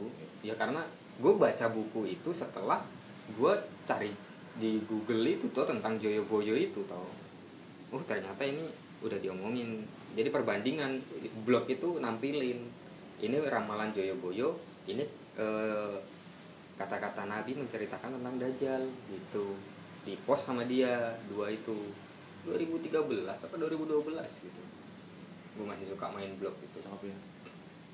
Di ujung-ujung di ujung bibir pantai garis pantai. Habis itu beriman nyebur. Beriman nyebur. Habis itu baru gue nemu namanya ini oh ini ramalannya Sabdo Palon bukan Joyoboyo. Nah barulah ketika eh, ibaratnya mau terjun ke filsafat baru nemu buku-buku. Oh, iya, babat tanah Jawa hubungannya sama. Cerita Hmm. Nabi tentang Dajjal. Hmm, ada hubungannya cerita Nabi tentang Dajjal. Itu. Kalau lu nggak ketemu jangan temuin karena lu gak akan bisa ngelawan dia hmm, mau gimana gimana dia lebih sakti lebih pintar daripada lu walaupun lu mau berjihad kalau lu nggak kalau lu nggak sengaja ketemu segera bersahadat kalau lu memang di situ ketemu aja lu insya Allah lu mati dengan husnul khotimah itu makanya kenapa itu kan berarti ada di jurang hmm. bahaya juga nih kalau ketemu dajjal bener gak? ya sama kayak yang dilakuin tadi itu yang lu anggap tadi itu. Kalau lu ke laut Hmm. lu ketemu sama katakanlah Hmm. Korndo. Of Nengkora laut selatan lah gitu. Iya kan emang udah digariskan bahwa dia lebih pintar daripada lu bener nggak? Dia tahu segala apa yang terjadi di depan kayak udah dapat bocoran dari si bos lah. Bosnya kan enggak anjir bukan gua nggak mau percaya dia nih. Itu kan harus diimani juga kan? Ya. Ada mereka itu ada. Percaya bahwa mereka ada. Ada diimani gitu. Itu memang udah kata Allah. Nah ketika kita datang ke situ makanya gue bilang itu adalah jurang. Jangan lu datengin dia. Gitu karena lu mau berdebat sama dia. Dia lebih nyatanya pengilmu pengetahuannya lebih jauh. Ya Hebat ya kayak kayak yang itu tulisannya siapa sih sebenarnya? Imam siapa sih imam Syafi'i apa ya? Yang dibacain sama Pak Andul itu tuh. Kalau sekedar berilmu ya iblis lebih berilmu Lebih berilmu. daripada manusia. Nah itu kan kata-katanya Imam Syafi'i apa Imam siapa gitu loh yang dikutip. Kalau nggak salah. Kalau misalnya lu nggak ketemu jangan dihampiri Hmm. kalau misalnya lu ketemu segera bersahadat kalau misalnya lu bertemu setelah bersahadat di depan dia tantang lu bersahadat gue nggak mau eh, tunduk kepada lu kan Hmm. pada dajjal iblis dan segala macam. Lu diancam mati silahkan gitu. Hmm, insya pasrah. Allah. Insya Allah lu mati dalam Nah, makanya itu berbahaya tadi ke laut Hmm. ke sungai ke gunung. Lu bilang tergantung nawa itu. Nyampe sono doi muncul cuy iya kan? Kuclak kucluk kuclak kucluk. Kereta kencananya kan ada apa cuy? Gitu. Lu kenapa? Nggak saya ke sini cuman ini ini ini doang. Mau kayak gini kayak gini doang. Enggak lu pasti pengen sesuatu. Hmm. gue bisa kok ngadain aduh. Di situ ada jurang di situ ada jurang. Dan pertemuan lu itu emang udah direncanakan. Hmm. sama Allah subhanahu wa ta'ala ngapain lu sahadat gitu. Nah, gue matiin lu di situ sebenarnya bahayanya titik marifat ya ada di situ bay. Bahayanya? Ya itu tadi ketika kita di hadapan dajjal terus kita sahadat itu kan salah satu bentuk marifat kita tuh kepasrahan Hmm. kita terhadap hmm, Allah toh tapi kan ada ujian juga di situ tuh. Ujiannya? Ya itu tadi toh Eh, kita masih ketika manusia masih dipermainkan dia masih bisa bingung. Gue takut mati tapi gue percaya sama Allah gitu hmm, terus? Ya kayak tadi itu ya sama kayak yang bahasa lu ditinggalkan karena ini bahaya. Kalau lu emang gak ketemu jangan. Jangan lu ke situ jangan lu samperin itu. Jangan lu ke laut jangan lu ke ini. Terutama lautnya yang ada tembok segi empat terutama yang makam ada kelambunya itu jangan kalau bisa. Karena mm, kalau lu iman lu kuat tapi memang Nabi udah bilang gitu. Jangan ketemu kalau bisa. Kalau bisa jangan kalau bisa jangan. Jangan lu temuin. Lu mau niat jihad pun orang dia ada biarin gue bunuh. Ada sahabat. Tenang nabi saya bunuh. Nah jangan. Walaupun lu nggak ketemu jangan lu samperin. Kalau lu samper kalau lu nggak sengaja ketemu nggak sengaja lo ya lu Hmm. lagi lari segala macem. Temu ketemu der depan mata lu pilih gua atau ini. Dan itu yang gue bilang berbahaya berbahaya berbahaya berbahaya. Nah kalau hal-hal seperti itu lu cari tahu lagi tentang sesi jenar apa tuh? Itu jadi ketika eh, babat tanah Jawa Islam itu Wali Songo sama Sesi Jenar itu tapi cerita dari Sesi Jenar ini banyak versi juga. Siti Janda perempuan? Bukan. Iblis juga? Laki-laki. Oh, iya. dia wali juga gitu loh. Tapi beberapa versi cerita banyak yang beda. Ya gue stop sampai situ dulu. Gue lagi menikmati cerita bet- pantai selatan gue lagi pengen Nah. nggak ya Allah saya beriman. Maksud saya saya percaya dengan ada yang begitu gitu. Hmm. saya percaya. Saya nggak sama Ya, sekali i- mengingkari. itu makhluk Tuhan. Itu makhluk Allah gitu. Tidak sama sekali saya mengingkari. Cuman pas lagi kisahkan aja itu. Anjing gocak. Iya. Ini yang datang menteri-menterinya semua gitu kan. Bosnya ada di sana. Core ah, the core itu ada di sana. Termasuk ada Nyi Roro Kidul yang du- duta luar negerinya dari pantai selatan. Termasuk ada Nyi apa yang Mhm. duta dari si pantai utara. Hmm. termasuk ada Susana dong, ada Susana, ada Susana dong. Aduh ya Allah gimana ya? Ya Allah saya percaya, gitu. tapi ini lucu banget. Maksud gua manusia ini apa sih? Enggak nyul bukan. Aduh gimana ya? Termasuk ada ibu Susana. ibu Susana. Maksud gua apa sih? Gua nonton gua kagak anjing. Gua pengen komen. Bokirnya mana bos? gue ada bokir gak? Aduh, gua- gimana ya? Takutnya gue ketika gue komen begitu menghinakan masyarakat Hmm. Jawa. Takutnya itu sensitif nyul. Terus gue berhentilah sampai Nyi Kidul sampai Nyi apa. Jangan Susana juga lu bawa ke. Aduh. gue jadi semakin anjing lucu banget bangsat gue bilang aduh kan nggak nggak juga dibawain filmnya sama Susana terus jadi akrab. Jadi jadi direkrut gitu jadi PNS di dalam kerajaan. Nggak juga anjing. Lucu banget anjing. Gua- dari tadi gue pengen bahas itu nyul maksudnya. Siapa sih masa? Bilang, ini siapa ya? Gue lupa namanya yang yang Cina-Cina itu. Gue pengen aduh. Kalau gue ikut kajiannya dia gue takutnya tiba-tiba ada gitu di situ banyak banget Yul. banyak banget orang yang ikut kan Hmm. kisah tanah jauh itu yang pas pantai selatan lu nonton dah pantai selatan ada orang cowoknya berapa ada perempuannya berapa dan gue liat muka-mukanya juga kaum intelek lah maksudnya Hmm. bukan muka-muka orang susah gue bilang saya merasakan bahwa kehadiran ini ini dong yang lain-lain sih benar gitu mungkin yang lain-lain tuh ceritanya ya udahlah ya cerita gimana sih orang ketemu makhluk gaib Hmm. ya ceritanya ya kayak gitulah gitu tapi ini sih itu termasuk aja ibu susah juga susah ya kapan direkrutnya udah Nah, kalau sesi jenar itu lebih ke ini yang ilmu goib tadi. Jadi dia ngajarin Islam ke orang Jawa itu kayak langsung langsung ke marifat gitu loh. Tanpa apa sih? Kan ada empat titik empat empat tingkat. kan? Bukan empat tingkat sih, ada empat. Ini yang apa itu? Nggak tahu gue akhlak. Makrifat. Ibadah.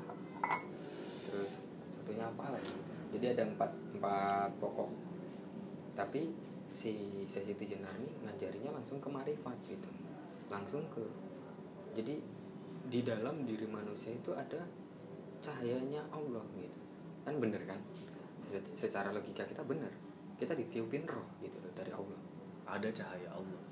Bukan bukan cahaya ada roh. Roh dari Allah gitu. Maksudnya sesi jenar gitu. Jadi lalu? Tapi pada saat itu eh, jadi mulai adanya kata manunggaling kawula gusti itu bahasa sufinya orang Jawa. Hmm. bersatunya aku dengan Allah gitu. Jadi itu bersatunya aku dengan Allah bukan bukan Allah itu aku aku itu Allah gitu. Bukan. Jadi maksudnya sesi jenar di situ tingkat kepasrah pasrahnya dia dengan kepada Allah tadi itu semakin mendekatkan Ah. dirinya. Hmm. meleburnya dunianya manusia tapi jadi seolah-olah dia hidup tapi tapi mati gitu. Mati tapi hidup gitu loh. Tahu nggak sih? Dia hidup nih di dunia nih. Tapi semua apa yang dia lakuin nih pasrah udah. Udah dah gue pasrah. Gue kalau gue diizinin tidur gue tidur. Kalau gue dibangunin ya gue bangun. Gue disuruh ngapain ya gue kerjain gitu. Pasrah udah sama garisnya Allah gitu. Maksudnya jinak tapi pada waktu itu masyarakat Jawa eh, menganggapnya salah. Menganggapnya sesi jenar itu ya kayak kayak mungkin ketika kisah Nasrani tentang Yesus gitu. Menganggap sesi jenar itu Allah Tuh. dari Balik kata ke apa? Manunggaling kaulo gusti tadi. Balik itu. lagi ke apa? Literasi orang Iya. beda. Terus akhirnya ada cerita yang lain. Eh, terus yang lanjutan dari itu konflik lah antara Wali Songo dengan Sesi Jenar itu nah terus Sesi Jenar ada cerita lain Sesi Jenar dibunuh sama Wali Songo. Di disempurnakan sama Wali Songo gitu. Nah, dibunuh maksudnya? Ya ya karena menjalankan siar yang salah itu gitu.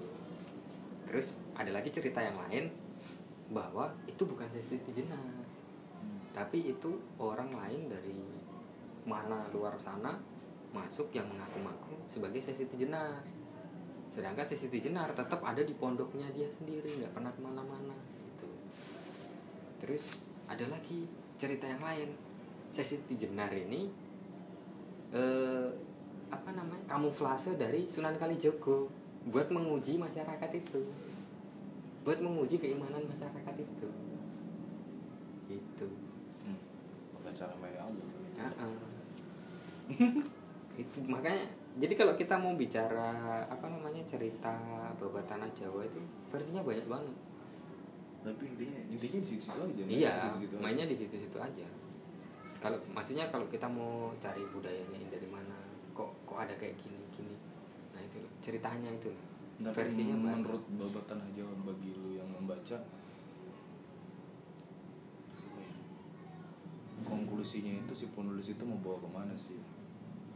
Gimana ya mau bawa ke mana sih arah yang arah pembaca itu mau bawa ke mana ada yang ada yang membawa apa namanya untuk ibaratnya kayak tadi kita yang kita pertanyakan Al-Quran yang ngikutin adat atau adat yang ngikutin Al-Quran Hmm. ada yang membawa ke arah itu Eh, terus ada yang membawa ke arah untuk ninggalin hmm.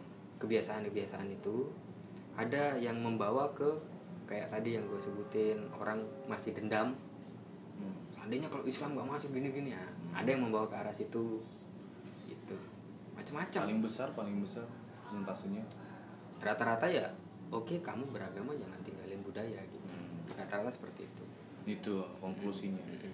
karena ya mungkin mungkin mungkin mereka eh, mendapat ceritanya karena balik lagi ke masa revisinya itu kurang. Tapi bahaya juga sih kalau nulis nulis apa gimana gitu membaca juga bisa-bisa orang itu kalau masih hidup dan dicari dibantai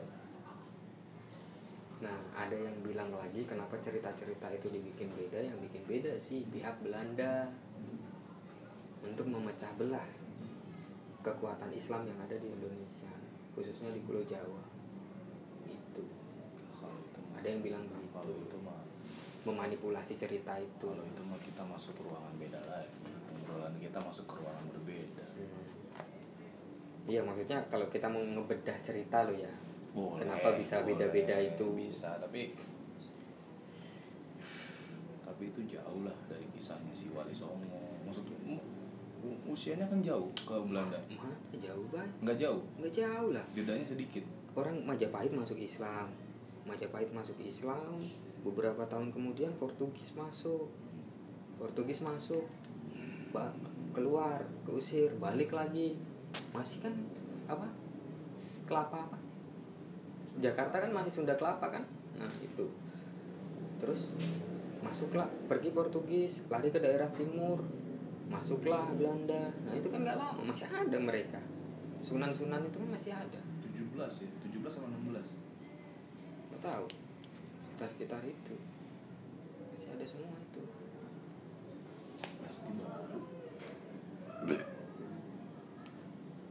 Ya Allah. Nah cuma yang gue tangkep jadi kemarin sempat ada temen yang ngomong yang kayak gue ceritain kemarin. Demokrasi tahun ini asik.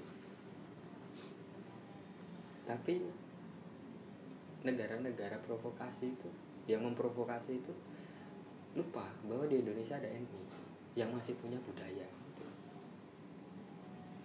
sedangkan orang NU sendiri yang terprovokasi ya tak acungin jari kelingking. Dia bilang gitu. Gue ngerti NU itu apa sih. Maksudnya budaya masih masih punya budaya gitu loh. gue nggak ngerti NU itu sebuah apa sebuah badan apa. Nah, masih gue masih gua definisi NU tuh apa sih sebenarnya lalu NU dengan Muhammadiyah itu apa Ya. sebenarnya? ormas. Gue Iya. menyebutnya ormas. Iya takutnya. Bukan lembaga bukan apa. Gue menyebutnya ormas kalau gue tahu deh ya ujung-ujungnya yang ada bedanya juga sih sebenarnya sama partai politik. Takutnya jurang pemisahannya itu hampir nggak ada gitu. Sekatnya jadi bisa melebur ke ya kadang-kadang di partai politik Hmm. ya kadang-kadang kita membahas ke agama ya kadang-kadang kayak gitu. Lu khalifah di di apa namanya di bumi. Hmm. Lu pemimpin setiap manusia adalah pemimpin. Katakanlah lu pemimpin NU lu nih nyol pemimpin NU banyak orang yang se- sekarang bukan orang Jawa pun ngaku NU gitu loh. Hmm. men lu di bawah lu ada banyak nih anggotanya gitu. Hmm. tolong jangan bawa ini bawa liga ini bawa kapal ini. Diterombang ambing gitu aja Hmm. gitu. Dalam dalam tanda kutip nggak ada pendiriannya segala macem. Kadang kita ikut Iya. yang bisa menjanjikan si A ya kita ke A yang bisa ke B ke B ini kan atas namanya agama lagi Iya. udah gitu bawa budaya lagi wih maksud gua riskan kayak tadi balik lagi ke itu jurang itu kalau konteksnya ke situ kan Mm-mm. tapi kalau konteksnya ke takut. keagamaan Cak Nun pernah bilang jadi Cak Nun bilang tuh kamu sebagai orang Islam ya junjunganmu Nabi Muhammad Hmm. gitu jangan jadikan apa pun yang menghalangi antara kamu dengan Nabi Muhammad hmm. Apa apa contohnya Muhammadiyah NU MTA dan lain-lain jangan membuat itu ada di antara kamu dengan Nabi Muhammad gitu. sekat gitu. Aku pun nggak mau jadi kayak gitu. Kamu jangan ngikutin aku. Aku di sini cuma berbagi pengalaman. Nun bilang gitu. Jangan jadikan aku sebagai sekat antara dirimu dengan Nabi Muhammad. Gitu. Cak Nun pernah bilang kayak gitu. atau kalau lu dulu baru ke nabi gitu Hmm. Tahu kan lu Hmm. kayak ular tangga gitu Iya. ke situ dulu ke sana Ya udah kalau ya hidupmu ya cuma dua dua jalur. Kamu dengan Nabi Muhammad, terus ke Allah. Ya udah cuma itu. Gitu cuma segaris itu. Cuma dua langkah itu aja. Jangan buat lagi sekat yang lain. karena ya, Kalau Cak Nun menanggapi kayak gitu. ya termasuk gue juga pribadi gue nggak nyoblos apa apa kemarin Hmm. gue jadi KBPS gue di situ gue nyoblos tapi gue nyoblos O nya Indonesia. O aja lah. Maksud gue maksud gue hmm, manusia di Indonesia ini udah punya kepintaran masing-masing lah. Mau lembaga apa apa apa apa sih tai semua dalam hati gue gitu loh. Nah, pas- mungkin nawa itunya si pembuat si lembaga ini AIU segala macam. Ya, bisa lah. bener lah gitu. bener gitu bener maksudnya nafas perjuangan awal itu mungkin bisa jadi bener gitu. Balik lagi men manusia itu ditiupin sama Allah tuh ya ada nafsunya ada ininya ada itunya segala macam dan hari ini adalah puncak-puncaknya bahwa semuanya bisa dibeli. Hmm. jadi gitu aja sih makanya ketidaksenangan gue sama semua sistem yang berjalan tuh puncak-puncaknya di pemilu kemarin gitu nggak ada yang bisa nge- ngejawab pertanyaan yang ada di logika gue tuh nggak ada sama sekali. Mau masyarakat Islam satu monas kumpul di sono oke. Mau lingkup media sosial yang menamakan dirinya NU terus mendukung 01 oke. Jadi gue bahkan nggak berdiri di sama-sama saudara saudara-saudara gue kaum muslimin yang ada di Indonesia nggak ada gue yang mendukung itu gitu. ini menurut gue ya itu puncak ketidak ketidak kepercayaan gue ketidak apa pokoknya tai semuanya yang ada di isi-isi dari Sabang sampai Merauke itu. Makanya gue bilang ya kali ya mereka juga bukan orang bodoh tapi kok nggak bisa ngejawab pertanyaan yang logika gue ya. Lepas terlepas dari video seksi killer itu loh ya cuman puncak-puncaknya di seksi killer seolah-olah gue kayak tuh kan. Iya cuman gitu doang. Cuman dua kata tuh kan. Apa kata gue ya gitu aja. Selagi itu sangkut pautnya masih manusia ya udahlah kita juga sama-sama tahu manusia ditutupin nafsu ini itu segala macem. Udah. Jadi begitu. Sampai kapan sampai kelar ini semua kayak gitu ngurusin si A si B si C mau ormasnya ini termasuk KCDJ besok bisa jadi partai Bisa. gedein lagi aja dikit jadi partai yang gua kesel dari sebuah NU dan yang gua kesel dari sebuah Muhammadiyah yang gua kesel dari sebuah PKS anjing lu bawa-bawa nama agama untuk Ya. kepentingan lu anjing gitu dalam dalam hati gue tuh aduh kayak perih gitu. Aduh gimana gitu kayak ada pergolakan aja dalam jiwa kecil gue gitu. Makanya gue bilang lu gimana ya kapan kiamatnya? Gue nanya gitu kapan kiamatnya kapan dajalnya gitu udah udah gak sanggup. Semakin lama hidup di dunia ini ya semakin ada lagi ada lagi ada lagi ya sama aja semakin banyak kamu pakai uang ya semakin banyak utang gitu aja sistemnya Ini semakin banyak gaji lu, makin banyak kebutuhan lu. Oh saja. Tenang uang masih banyak beli rokok lagi Gitu, gitu, gitu. Kayak udah udah ah, udah lu anjing. Udah, udah. gue sempet mikir kayak gitu gue kebuka pada pagi hari itu Enggak ada gue nggak masuk kuliah. Gue nggak masuk kuliah. Iya. Gue nggak sanggup. gue nggak masuk kuliah emang pagi. Seminggu. Hmm. tepatnya lebih tepatnya empat hari sih karena kuliah tinggal empat hari waktu itu. Gue buka warung pagi-pagi habis mandi tuh. Habis mandi jam 8an kali jam 8 atau jam 9 habis mandi. Mau bukan pagi ini. ya masih pagi jam 8 mah. Pakai sarung tuh buka warung buka pintu garasi bikin kopi situ ngelap meja ya tuh udah bersih duduk. Ngerokok ngopi. Ini nih. Ini hidup yang gue cari gitu. Udah kayak gini aja gitu. Nggak perlu yang lain-lain gitu. Gue mikir gitu loh. Bahkan ya ya nggak bohong sih nggak bohong nggak perlulah pendamping. Udah gue cuma pengen hidup kayak gini aja gitu. Di mana gue nggak punya beban pikiran apa-apa. Udah gue nikmati apa yang ada. Adanya kopi gue ngopi adanya rokok gue ngerokok. Udah. Gue juga nggak ribet nyari sarapan pada pagi hari itu. Karena emang nggak biasa makan. sumpah Tapi- titik paling. Tapi gue pengen sih punya kesempatan untuk membunuh orang. Pengen gue. Ada saat gue kecil di, di, dalam diri gue. Apa nih punya kesempatan buat bunuh orang? Itu bener deh. Bukannya so serem apa. Maksud gue. Kejadian-kejadian kemarin.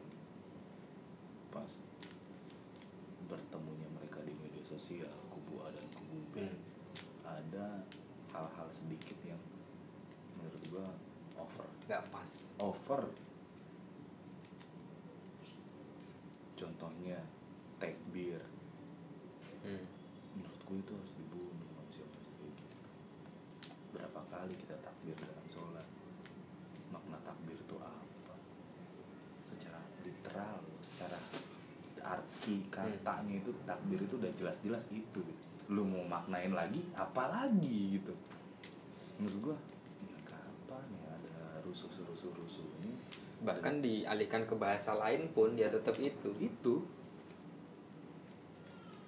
mau bahasa mana aja dah. Hmm. hasilnya itu. Kenapa enggak? Eh kenapa enggak rusuh sekalian kemarin ya, biar punya kesempatan buat bunuh orang gitu. Cari bener cari ke mana gitu. Oh, gue udah ini batu lu lu nggak di Jakarta sih waktu di waktu itu. Enggak, tapi kan emang dari awal gue udah nggak serak aja ketika gaji Ma'ruf yang naik. Gitu. udah udah ini bakal gak beres. Gue udah mikir gitu dari awal bahkan gue mikirnya dia ngangkatnya ngangkat Mahfud MD oh waktu sempat pergolakan itu. Mm-mm. kok tahu-tahu langsung putar balik situ. Nah itu mah. Kalau eh, kontestasi politik itu terserah lah itu permainan lu semua lah. Mau siapa pun yang naik itu tetap bentuknya permainan gitu you just play with us. Lu cuma bermain dengan kita gitu. Emang kita tahu rulesnya kayak gimana atau apa yang ada di situ kita tahu? Nggak juga kan? Kita cuma menikmati hasil aja. Yang ada di meja makan apa ya udah kita makan. Cuman lu nggak perlu yang namanya bertemu di media sosial lalu ya kayak tadi jurang.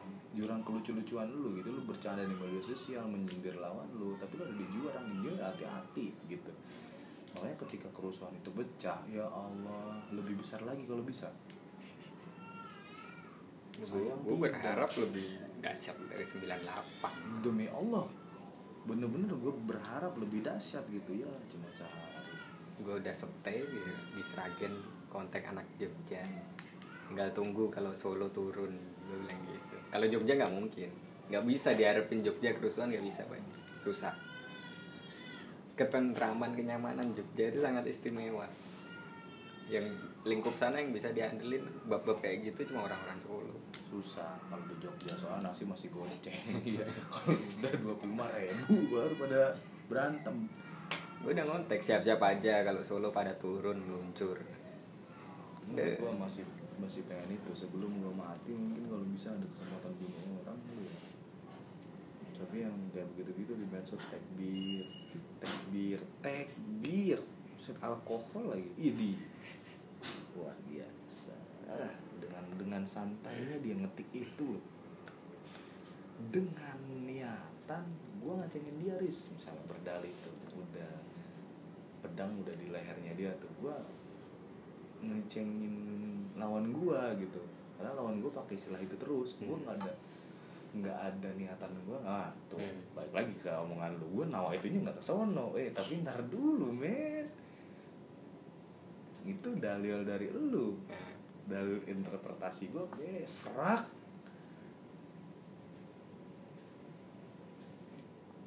Sambil Allahu Akbar jerak udah potong lehernya selesai habis itu gue yang mau dibunuh juga bodo amat gitu. Terserah terserah kayak misalnya tegakkan hukum Allah dirajam istri lu lu adalah seorang laki-laki pencemburu istri lu. Sekarang gini istri lu nyul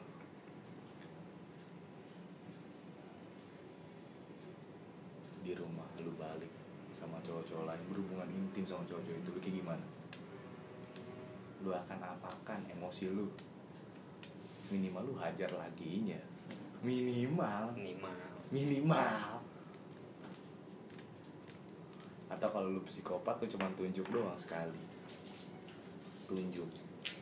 Tunjuk. Tunjuk tinggalin. Wah itu mau ngebunuh secara psikopat tuh. Nunjuk tinggalin. Lah nggak pakai marah nggak pakai apa. Besok udah tinggal bagian-bagian. Mukanya udah tahu ini udah tahu. Kan emang harus digituin walaupun besokannya lu masuk penjara tapi ya hukum Allah udah tegakin serahnya ah masuk penjara paling cuma bentar. Misalnya 20 tahun di tahun kedua lu sakit-sakitan meninggal udah selesai. Nggak sebentar mata tapi di situ nanti bakal ada sebuah momen keikhlasan. Jadi apa ya? Kedahsyatan sebuah keikhlasan konsep besarnya. Lu mendapatkan ketenangan di situ. Karena lu, lu udah ngelakuin apa yang memang Ya. dianjurkan. Ya kayak contohnya ketika kita bicara kayak keikhlasan keikhlasan itu adalah makom paling tinggi. Hmm. bagi gue lah ya keikhlasan itu bagi lu doang nih. Ya, gila juga kali lu. aja, bikin kali teori bikin teori dipakai sendiri gila. Enggak, kali aja lu kan beda, entah sabar atau apa kan kita nggak gila, tahu. gila gila gila Ya kayak contohnya ketika Nabi Ibrahim disuruh ninggalin istrinya lagi saat hamil, baru bantai anaknya sendiri baru melahirkan, udah disuruh ninggal pergi, dititipin ke orang anaknya. Pas udah gede disuruh ngebunuh. Nah itu kan sebuah tingkat keikhlasan, Bang. Terus Nabi siapa yang dibakar? dibakar hidup-hidup Ya. Isa alaihissalam gara-gara patung-patung itu kan? Bukan. Gara-gara orang nyembah patung itu yang dibakar. Ini intinya mau dibakar Ah. kan? Yang terus dia diang- ah, apa namanya diangkat Iya. kan? Naik iya Isa alaihissalam itu kan apa? Terus kayak siapa? Yang tanpa bapak Nabi Yusuf. Nabi Ayub atau Nabi Yusuf?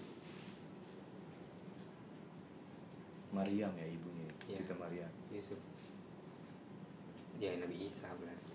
Nabi Isa dong. Iya. terus yang sakit-sakitan Nabi Ayub. Hmm. Nah itu kan semua mereka berada di titik ikhlas tuh. Sampai mereka bisa menjalani itu semua. Terlepas dari yang kita anggap itu sebuah penderitaan ketika Nabi Ibrahim menyembeli anaknya.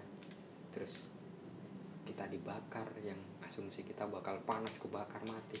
Tapi ketika mereka menjalani perintah itu dengan ikhlas kan mereka mendapat nikmat tersendiri Ya ketika lu ngejalanin itu tadi dengan ikhlas terus ibaratnya lu di penjara lu ikhlas atau lu dibunuh lu ikhlas.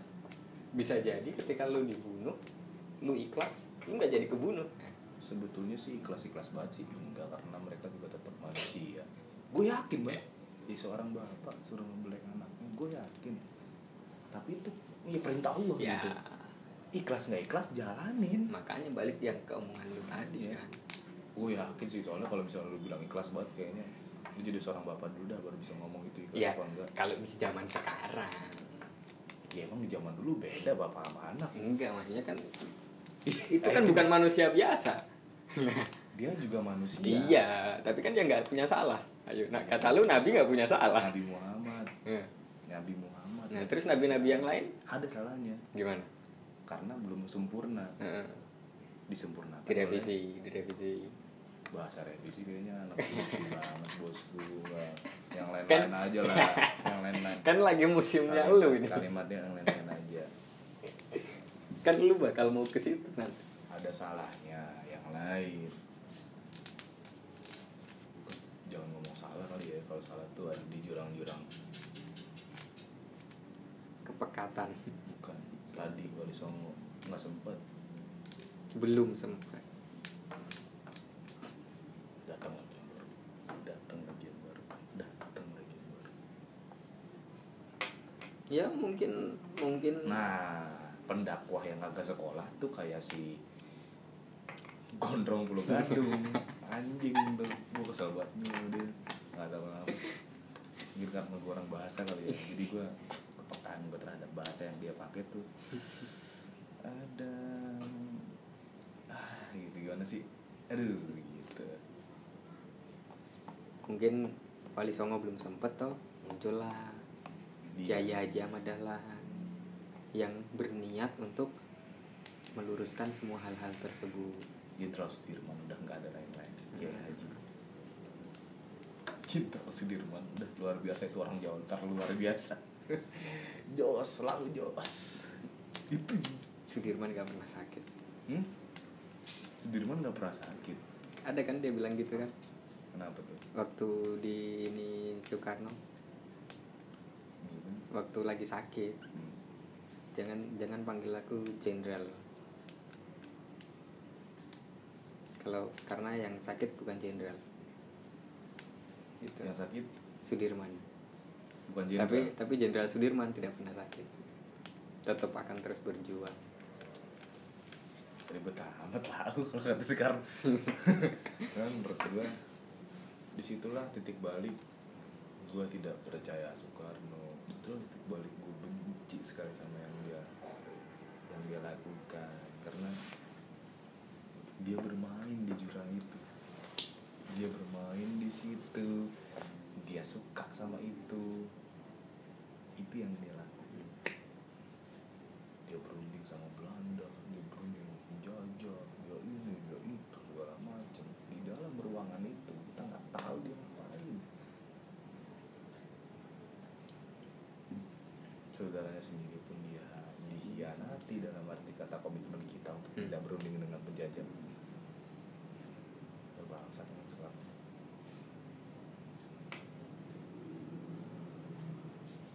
bangsa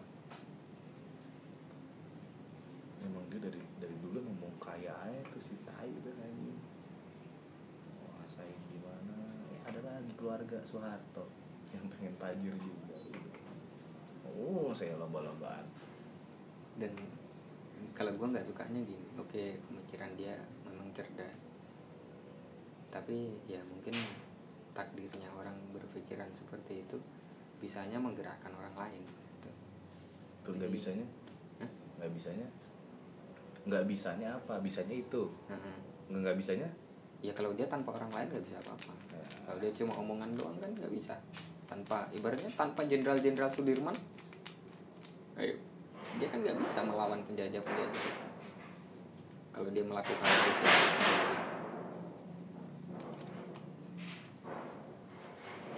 gue bingung siapa yang menentukan dia tapi kayaknya si anjing ini cuma ini loh apa?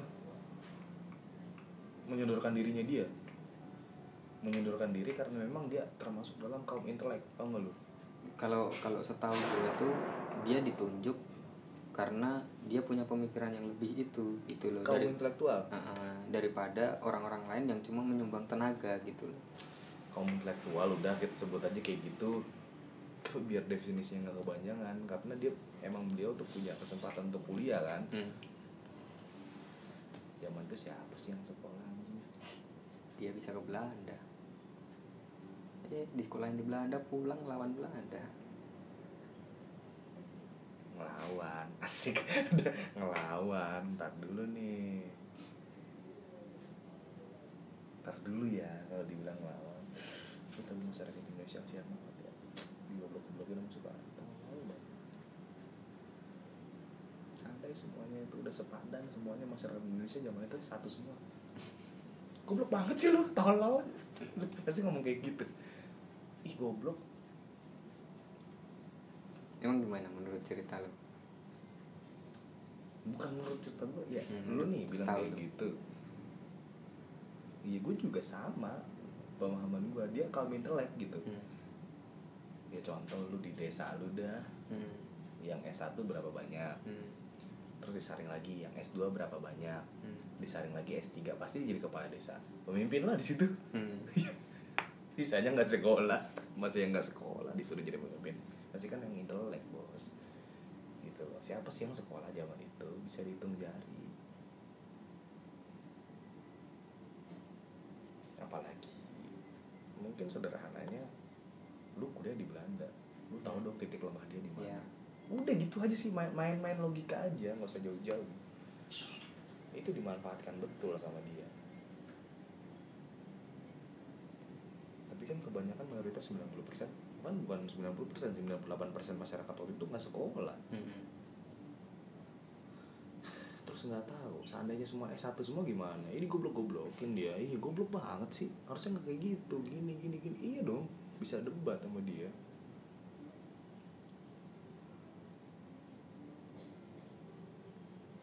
Pancasila tuh udah bisa sama kedudukannya sama Al-Quran. Gila bener. Al-Quran 30 juz Itu cuma 5 sila doang. Gila Gila gila gila. Gila men. Itu tuh Apa ya? Allah itu menjelas, menjelaskan Dunianya itu butuh 30 juz. Cuman 5 sila Kayak tapi tadi tapi kalau untuk ukuran kenegaraan kuat loh itu. Tapi Ukuran ya ke- lemah gitu. Nah, lu lu mau ngomong kuat apa lemah nih? dia kuat ketika tetap eh, berdiri kokoh seperti prinsip yang dimaknai sebenarnya. Terus, tapi negara lain bisa menyerang lewat situ gitu. Terus Ya konklusinya? Jadi umpamanya kuat lemah. Ya bisa kuat bisa lemah Nggak bisa lu pilih salah satu, kuat lemah. ya penjelasannya itu tadi Nggak, nggak bisa lu pilih salah satu. Lu mau ngomong aspek kenegaraan kan semuanya dari A sampai Z. hmm. Di cover sama lima sila itu. Hmm. Ini umum nih, nggak bisa lu lu pe- petain ini di sini, ini di sini nggak bisa. Karena balik lagi lu nggak equal kalau kayak gitu. Lu nggak apple to apple. Ini kan kita mau ngomongin tentang kehidupan. Hmm. Dia aja butuh 30 juz. Berapa ratus kalimat. Tapi seolah-olah disejajarkan pedoman kita Pancasila. Eh, Ideologi kita Panca- ideologi apaan sih kalau lu paham Hmm. apa sih ideologi definisinya?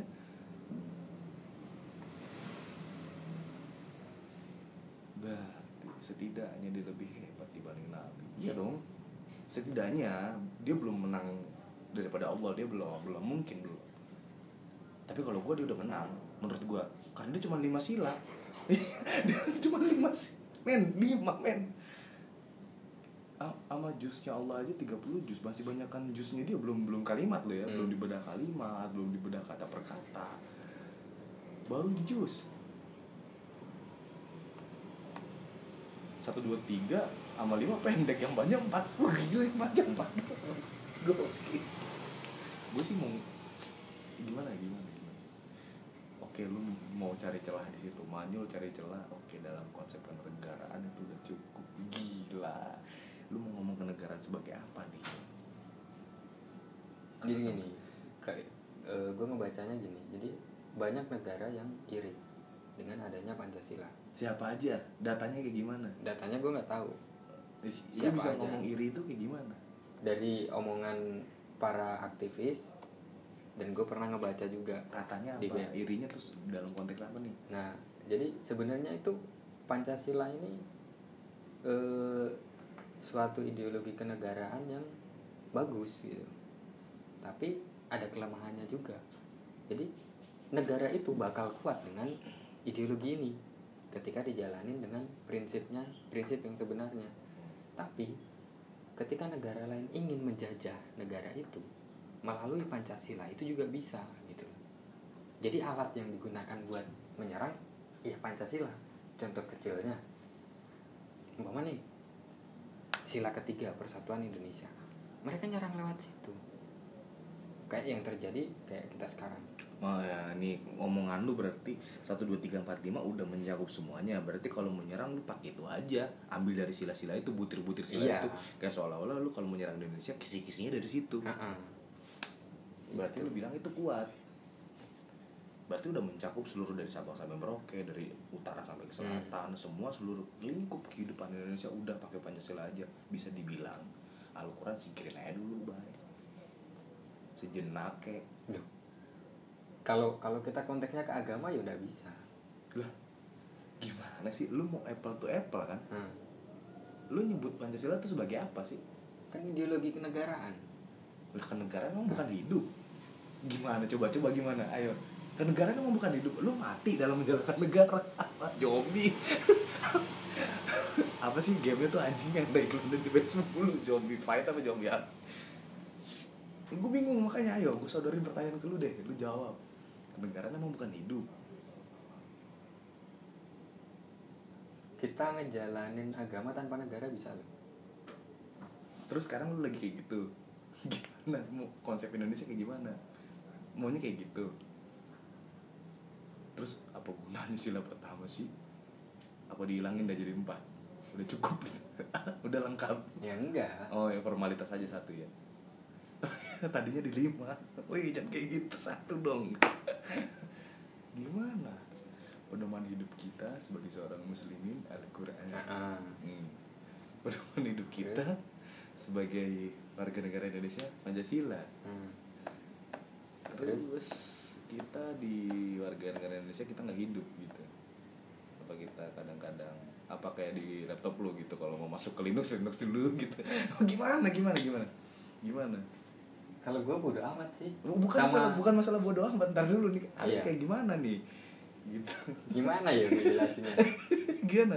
Apa kayak kayak laptop gua aja bayi lu mau masuk Linux Linux lu mau karena itu akhirnya gua ketemu di jurang oke Hmm. Pancasila atau Al-Quran Jadi gini, oh iya ketemu jawabannya. Jadi sebenarnya dari lima sila itu hmm.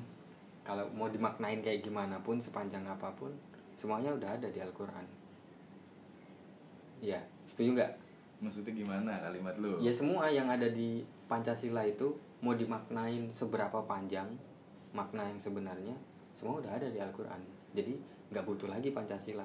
Pancasila itu semua butir-butirnya itu Ah. sudah ada di Al-Quran Ah, kalau dimaknai. Ya orang pedoman hidup gimana sih Iya. Iya kan? Setuju, Setuju, lah kan? itu pedoman hidup Ah. Di Al-Quran semuanya ada gitu Nah, terus bagimu eh, Pancasila itu nggak perlu ada, iya kan?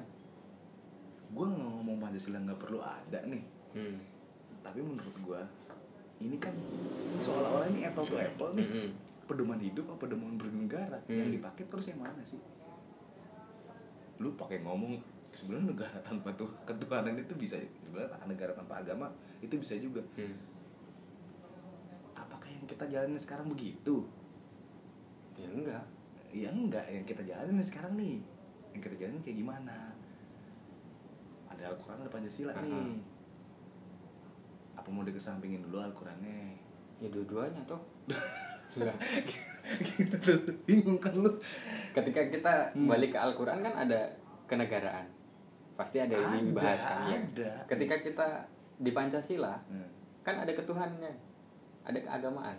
Berarti lu mau pakai konsep Pancasila aja dulu gitu sebagai intisari dari si Islam si Al-Quran ini rangkuman. Nggak cukup. Nggak kan gue bilang anjing lima sila Nggak doang cukup. anjing gitu. Anjing lima doang anjing gitu. Kan gue bilang.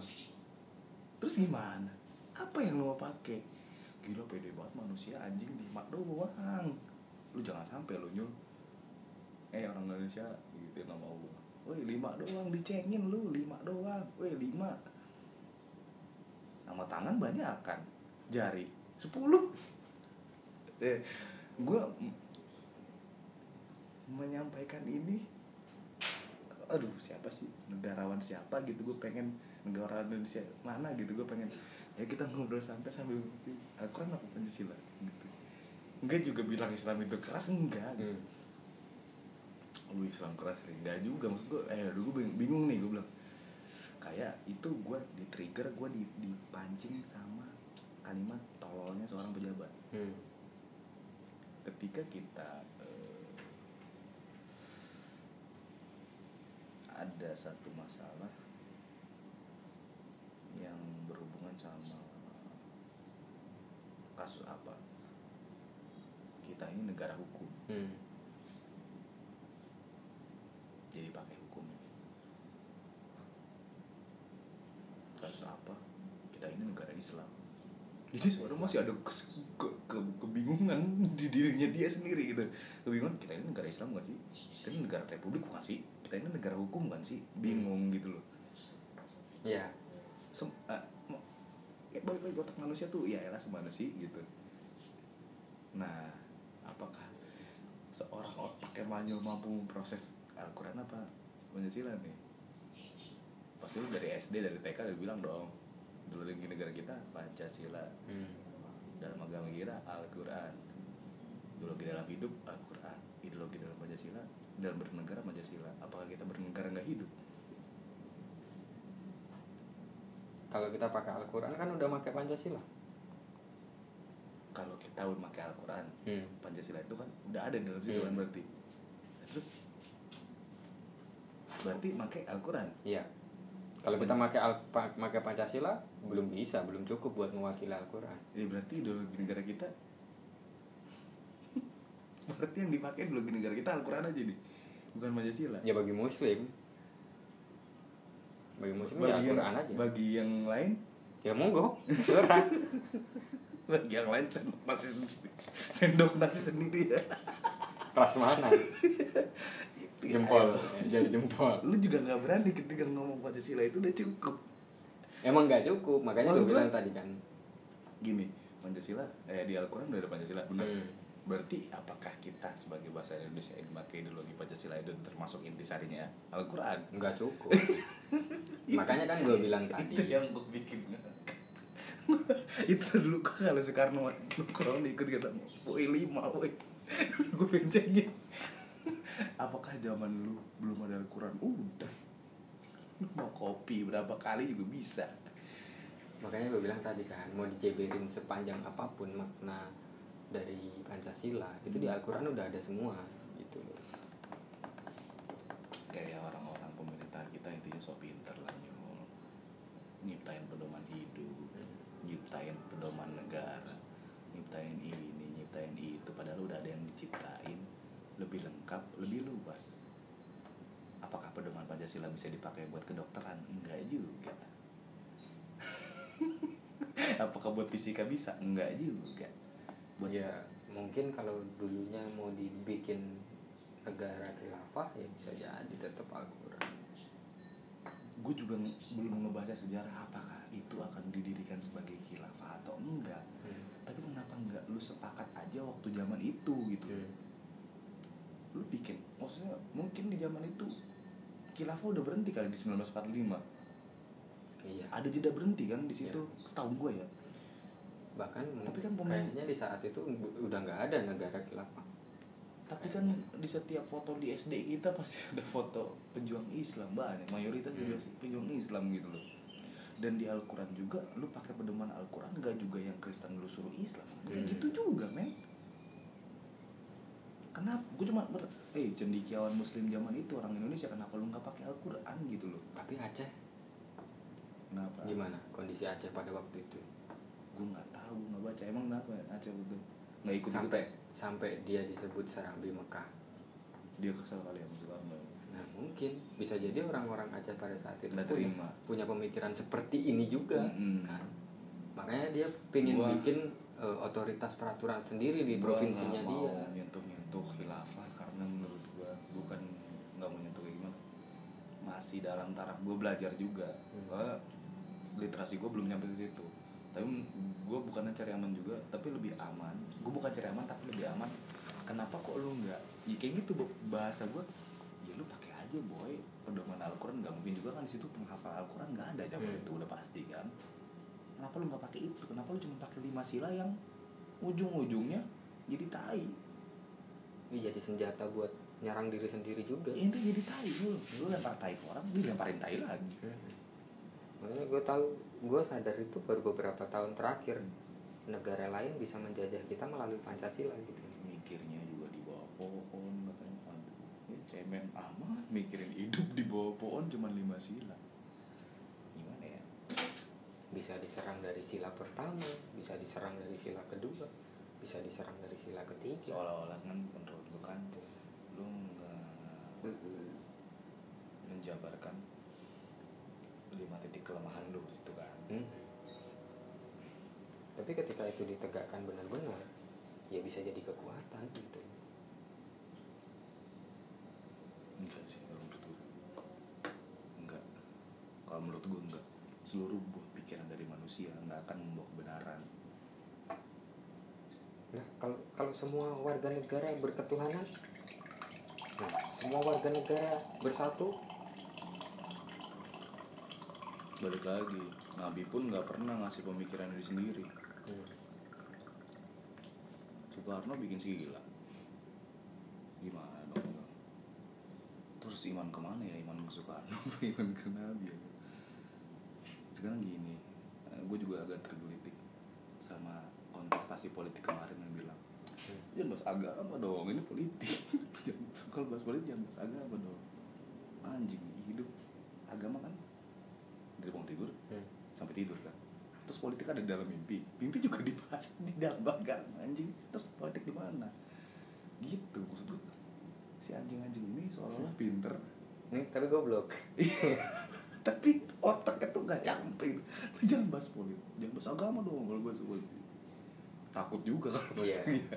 ya, lucu. Hmm. ini guyon yang ya sama sama halnya kayak gitu Hmm. kayak eh, Pancasila ini dia punya punya kekuatan tapi punya kelemahan sedangkan Al-Quran dia eh, apa namanya tidak terbantahkan semua udah ada solusinya di situ gitu loh dan tidak terbantahkan udah lu nggak bisa perdebatkan Iya. lagi. Apakah ada yang mampu memperdebatkan? Gitu. Ya sama kayak tadi itu ketik eh, kita bicara bicara bicara politik mungkin nggak cukup buat agama. Tapi ketika kita bicara agama mencakup politik. Lu orang intelektual lah ada. lu orang sekolah tinggi lah. Kan semua teori itu semua ciptaan manusia semua. Teori itu ciptaan manusia semua kan kalimat manusia semua. Endingnya apa? Ada sidang ada seminar proposal didebatin lagi disalahin lagi. Itu maksud gua. Secanggih-canggihnya pemikiran Soekarno akan ada kelemahan yang lu bilang akan ada perdebatan yang gua bilang. Kenapa kok omongannya Nabi kayaknya nggak bisa didebatin? Karena itu bukan omongannya dia. Ya jadi kayak gitu nyul. Akhir, akhirnya at the end tuh makanya gue bilang gue bilang ah, udah singkirin pancasila udah nggak benar itu karena itu pemikiran seorang manusia bukan yang nggak bener kayak gimana. Mungkin di situ ada benernya. Oke gue setuju sama omongan lu. Ada benernya tapi ada kekurangannya. Nah itulah sifat dasar manusia. Ketika ya opini dia yang dia keluarkan entah di situ disisipkan oleh nafsu di apa namanya ditunggangi oleh jin dan iblis sama Dangkal. Ustaz Gadung Ini kita nggak ngerti gitu. Itu ini ngomongan manusia gitu. Sama kayak gue baratnya mempelajari teori-teori kayak komunisme kapitalisme dan lain-lain isme isme isme itu. Biar nggak dimakan mentah. Semua ditelan gitu aja. Kenapa mereka kok sehebat hebatnya mereka mereka waktu punya plus minus tetap punya plus minus. Tetap. tetap pun di dunia ini tetap ada yin dan yang kok. Di Al-Quran nggak ada yin dan yang ya. Nggak ada benar dan salah. Nggak ada yang bisa diperdebatkan. At the end gue kemarin baru belum lama nonton video Zakir naik gara-gara si judul videonya keren. Ada seseorang memperdebatkan eh, ini. Kesalahan Al-Quran. Kesalahan Oh, Al-Quran iya, tahu gue. tentang ini Yul. Tentang- bahasanya apa ya? terus dia dipermalukan gitu. Bukan istilah bahasa tentang redaksionalnya tentang penulisannya. Wah serem nih ini kan lahan gua nih. Kata dia ada kesalahan gramatikal segala macam grammarnya salah ininya salah jika uh, nih paham kan lu skripsi gimana? Ini masalah. Hmm. ini ada tolak ukur. Ya kita udah punya gelas ukurnya nih Takar. salah gelas takarnya udah ada gelas takarnya yang dipakai bahasa Arab saat ini hmm. bahasa Bahasa Arab kan semua semua itu kalimat kata padanan kata grammar idiom segala Hmm. macam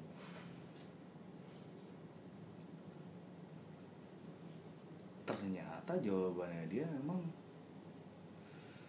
ya kalau lu pernah belajar bahasa ada tingkatan kata namanya Hmm. level 1, level 2, level 3, level 1 yang sering kita pakai, Ya. level 2 yang agak jarang kita pakai, level 3 ada kromo inggil Iya. kromo halus kalau bahasa Jawa mah. itu tingkat kehalusan, tapi kalau ini tingkatan kata lebih ke arah gini nyul. Takutnya lu salah keterbiasaan. Yang biasa satu biasa kita pakai, hmm. dua jarang kita pakai, tiga nggak pernah kita pakai sama sekali. Hmm. Nah itu Al-Quran di tingkat paling tinggi Hmm. yang hampir nggak pernah dipakai. dipakai tetap susunan kalimatnya ya eh Ya. susunan katanya Yang bahkan orang Indonesia masih banyak kan? Salah menafsirkan. Yang nggak tahu itu kan itu Maksudnya kalimat apa? bahasa Indonesia itu iya. Kok gua nggak pernah denger ya? Gitu. Al-Quran ada di posisi itu. Hmm. gila kayaknya sampai sesulit itu nyari kesalahan. Plus minus itu selalu ada dan selalu ada itu di buatan manusia. Kenapa kok di buatannya Allah tuh nggak ada? Makanya bahkan gua- udah dicari-cari gitu. Itu itu alasan baru tuh. Jadi level bahasa yang ada di Al-Quran itu sebuah alasan baru kenapa gue menyebut Al-Quran itu adalah puisi terindah. Wah itu gua ngomongin dong muslim Al-Quran itu puisi terindah.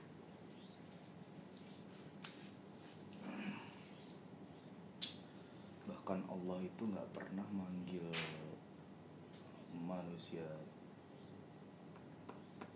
yang berdosa itu dengan kalimat yang kayak gimana Hmm. yang kasar kalimat yang gimana kalimat yang kayak gimana masih kalimat halus kalimat lembut bahkan menyampaikan satu ketentuan yang nggak bisa ditolerir pun dengan lembut di situ letak ketoleransiannya kan? ya kan walaupun ketentuan itu nggak bisa ditolerir tapi dengan cara penyampaian itu di situlah maha toleran dia suka banget sama kalimat-kalimat begitu. Emang dia suka sama kalimat-kalimat begitu. Saking dia emang keras, tapi halus tapi dia nggak bisa ditawar-tawar. Tapi selalu halus. Nyampeinnya terlalu selalu halus. Dan dia sangat pencemburu. Uh, gue bangga banget gitu. Gue bangga banget. Ya Allah gitu. Bangga banget gitu. Dan apa? Cemburunya tuh tinggi sekali gitu. Sama ciptaan iyalah motor lu dinaikin orang gebar-geber segala macam gimana nggak emosi pulang nalpot pengen kan anjing.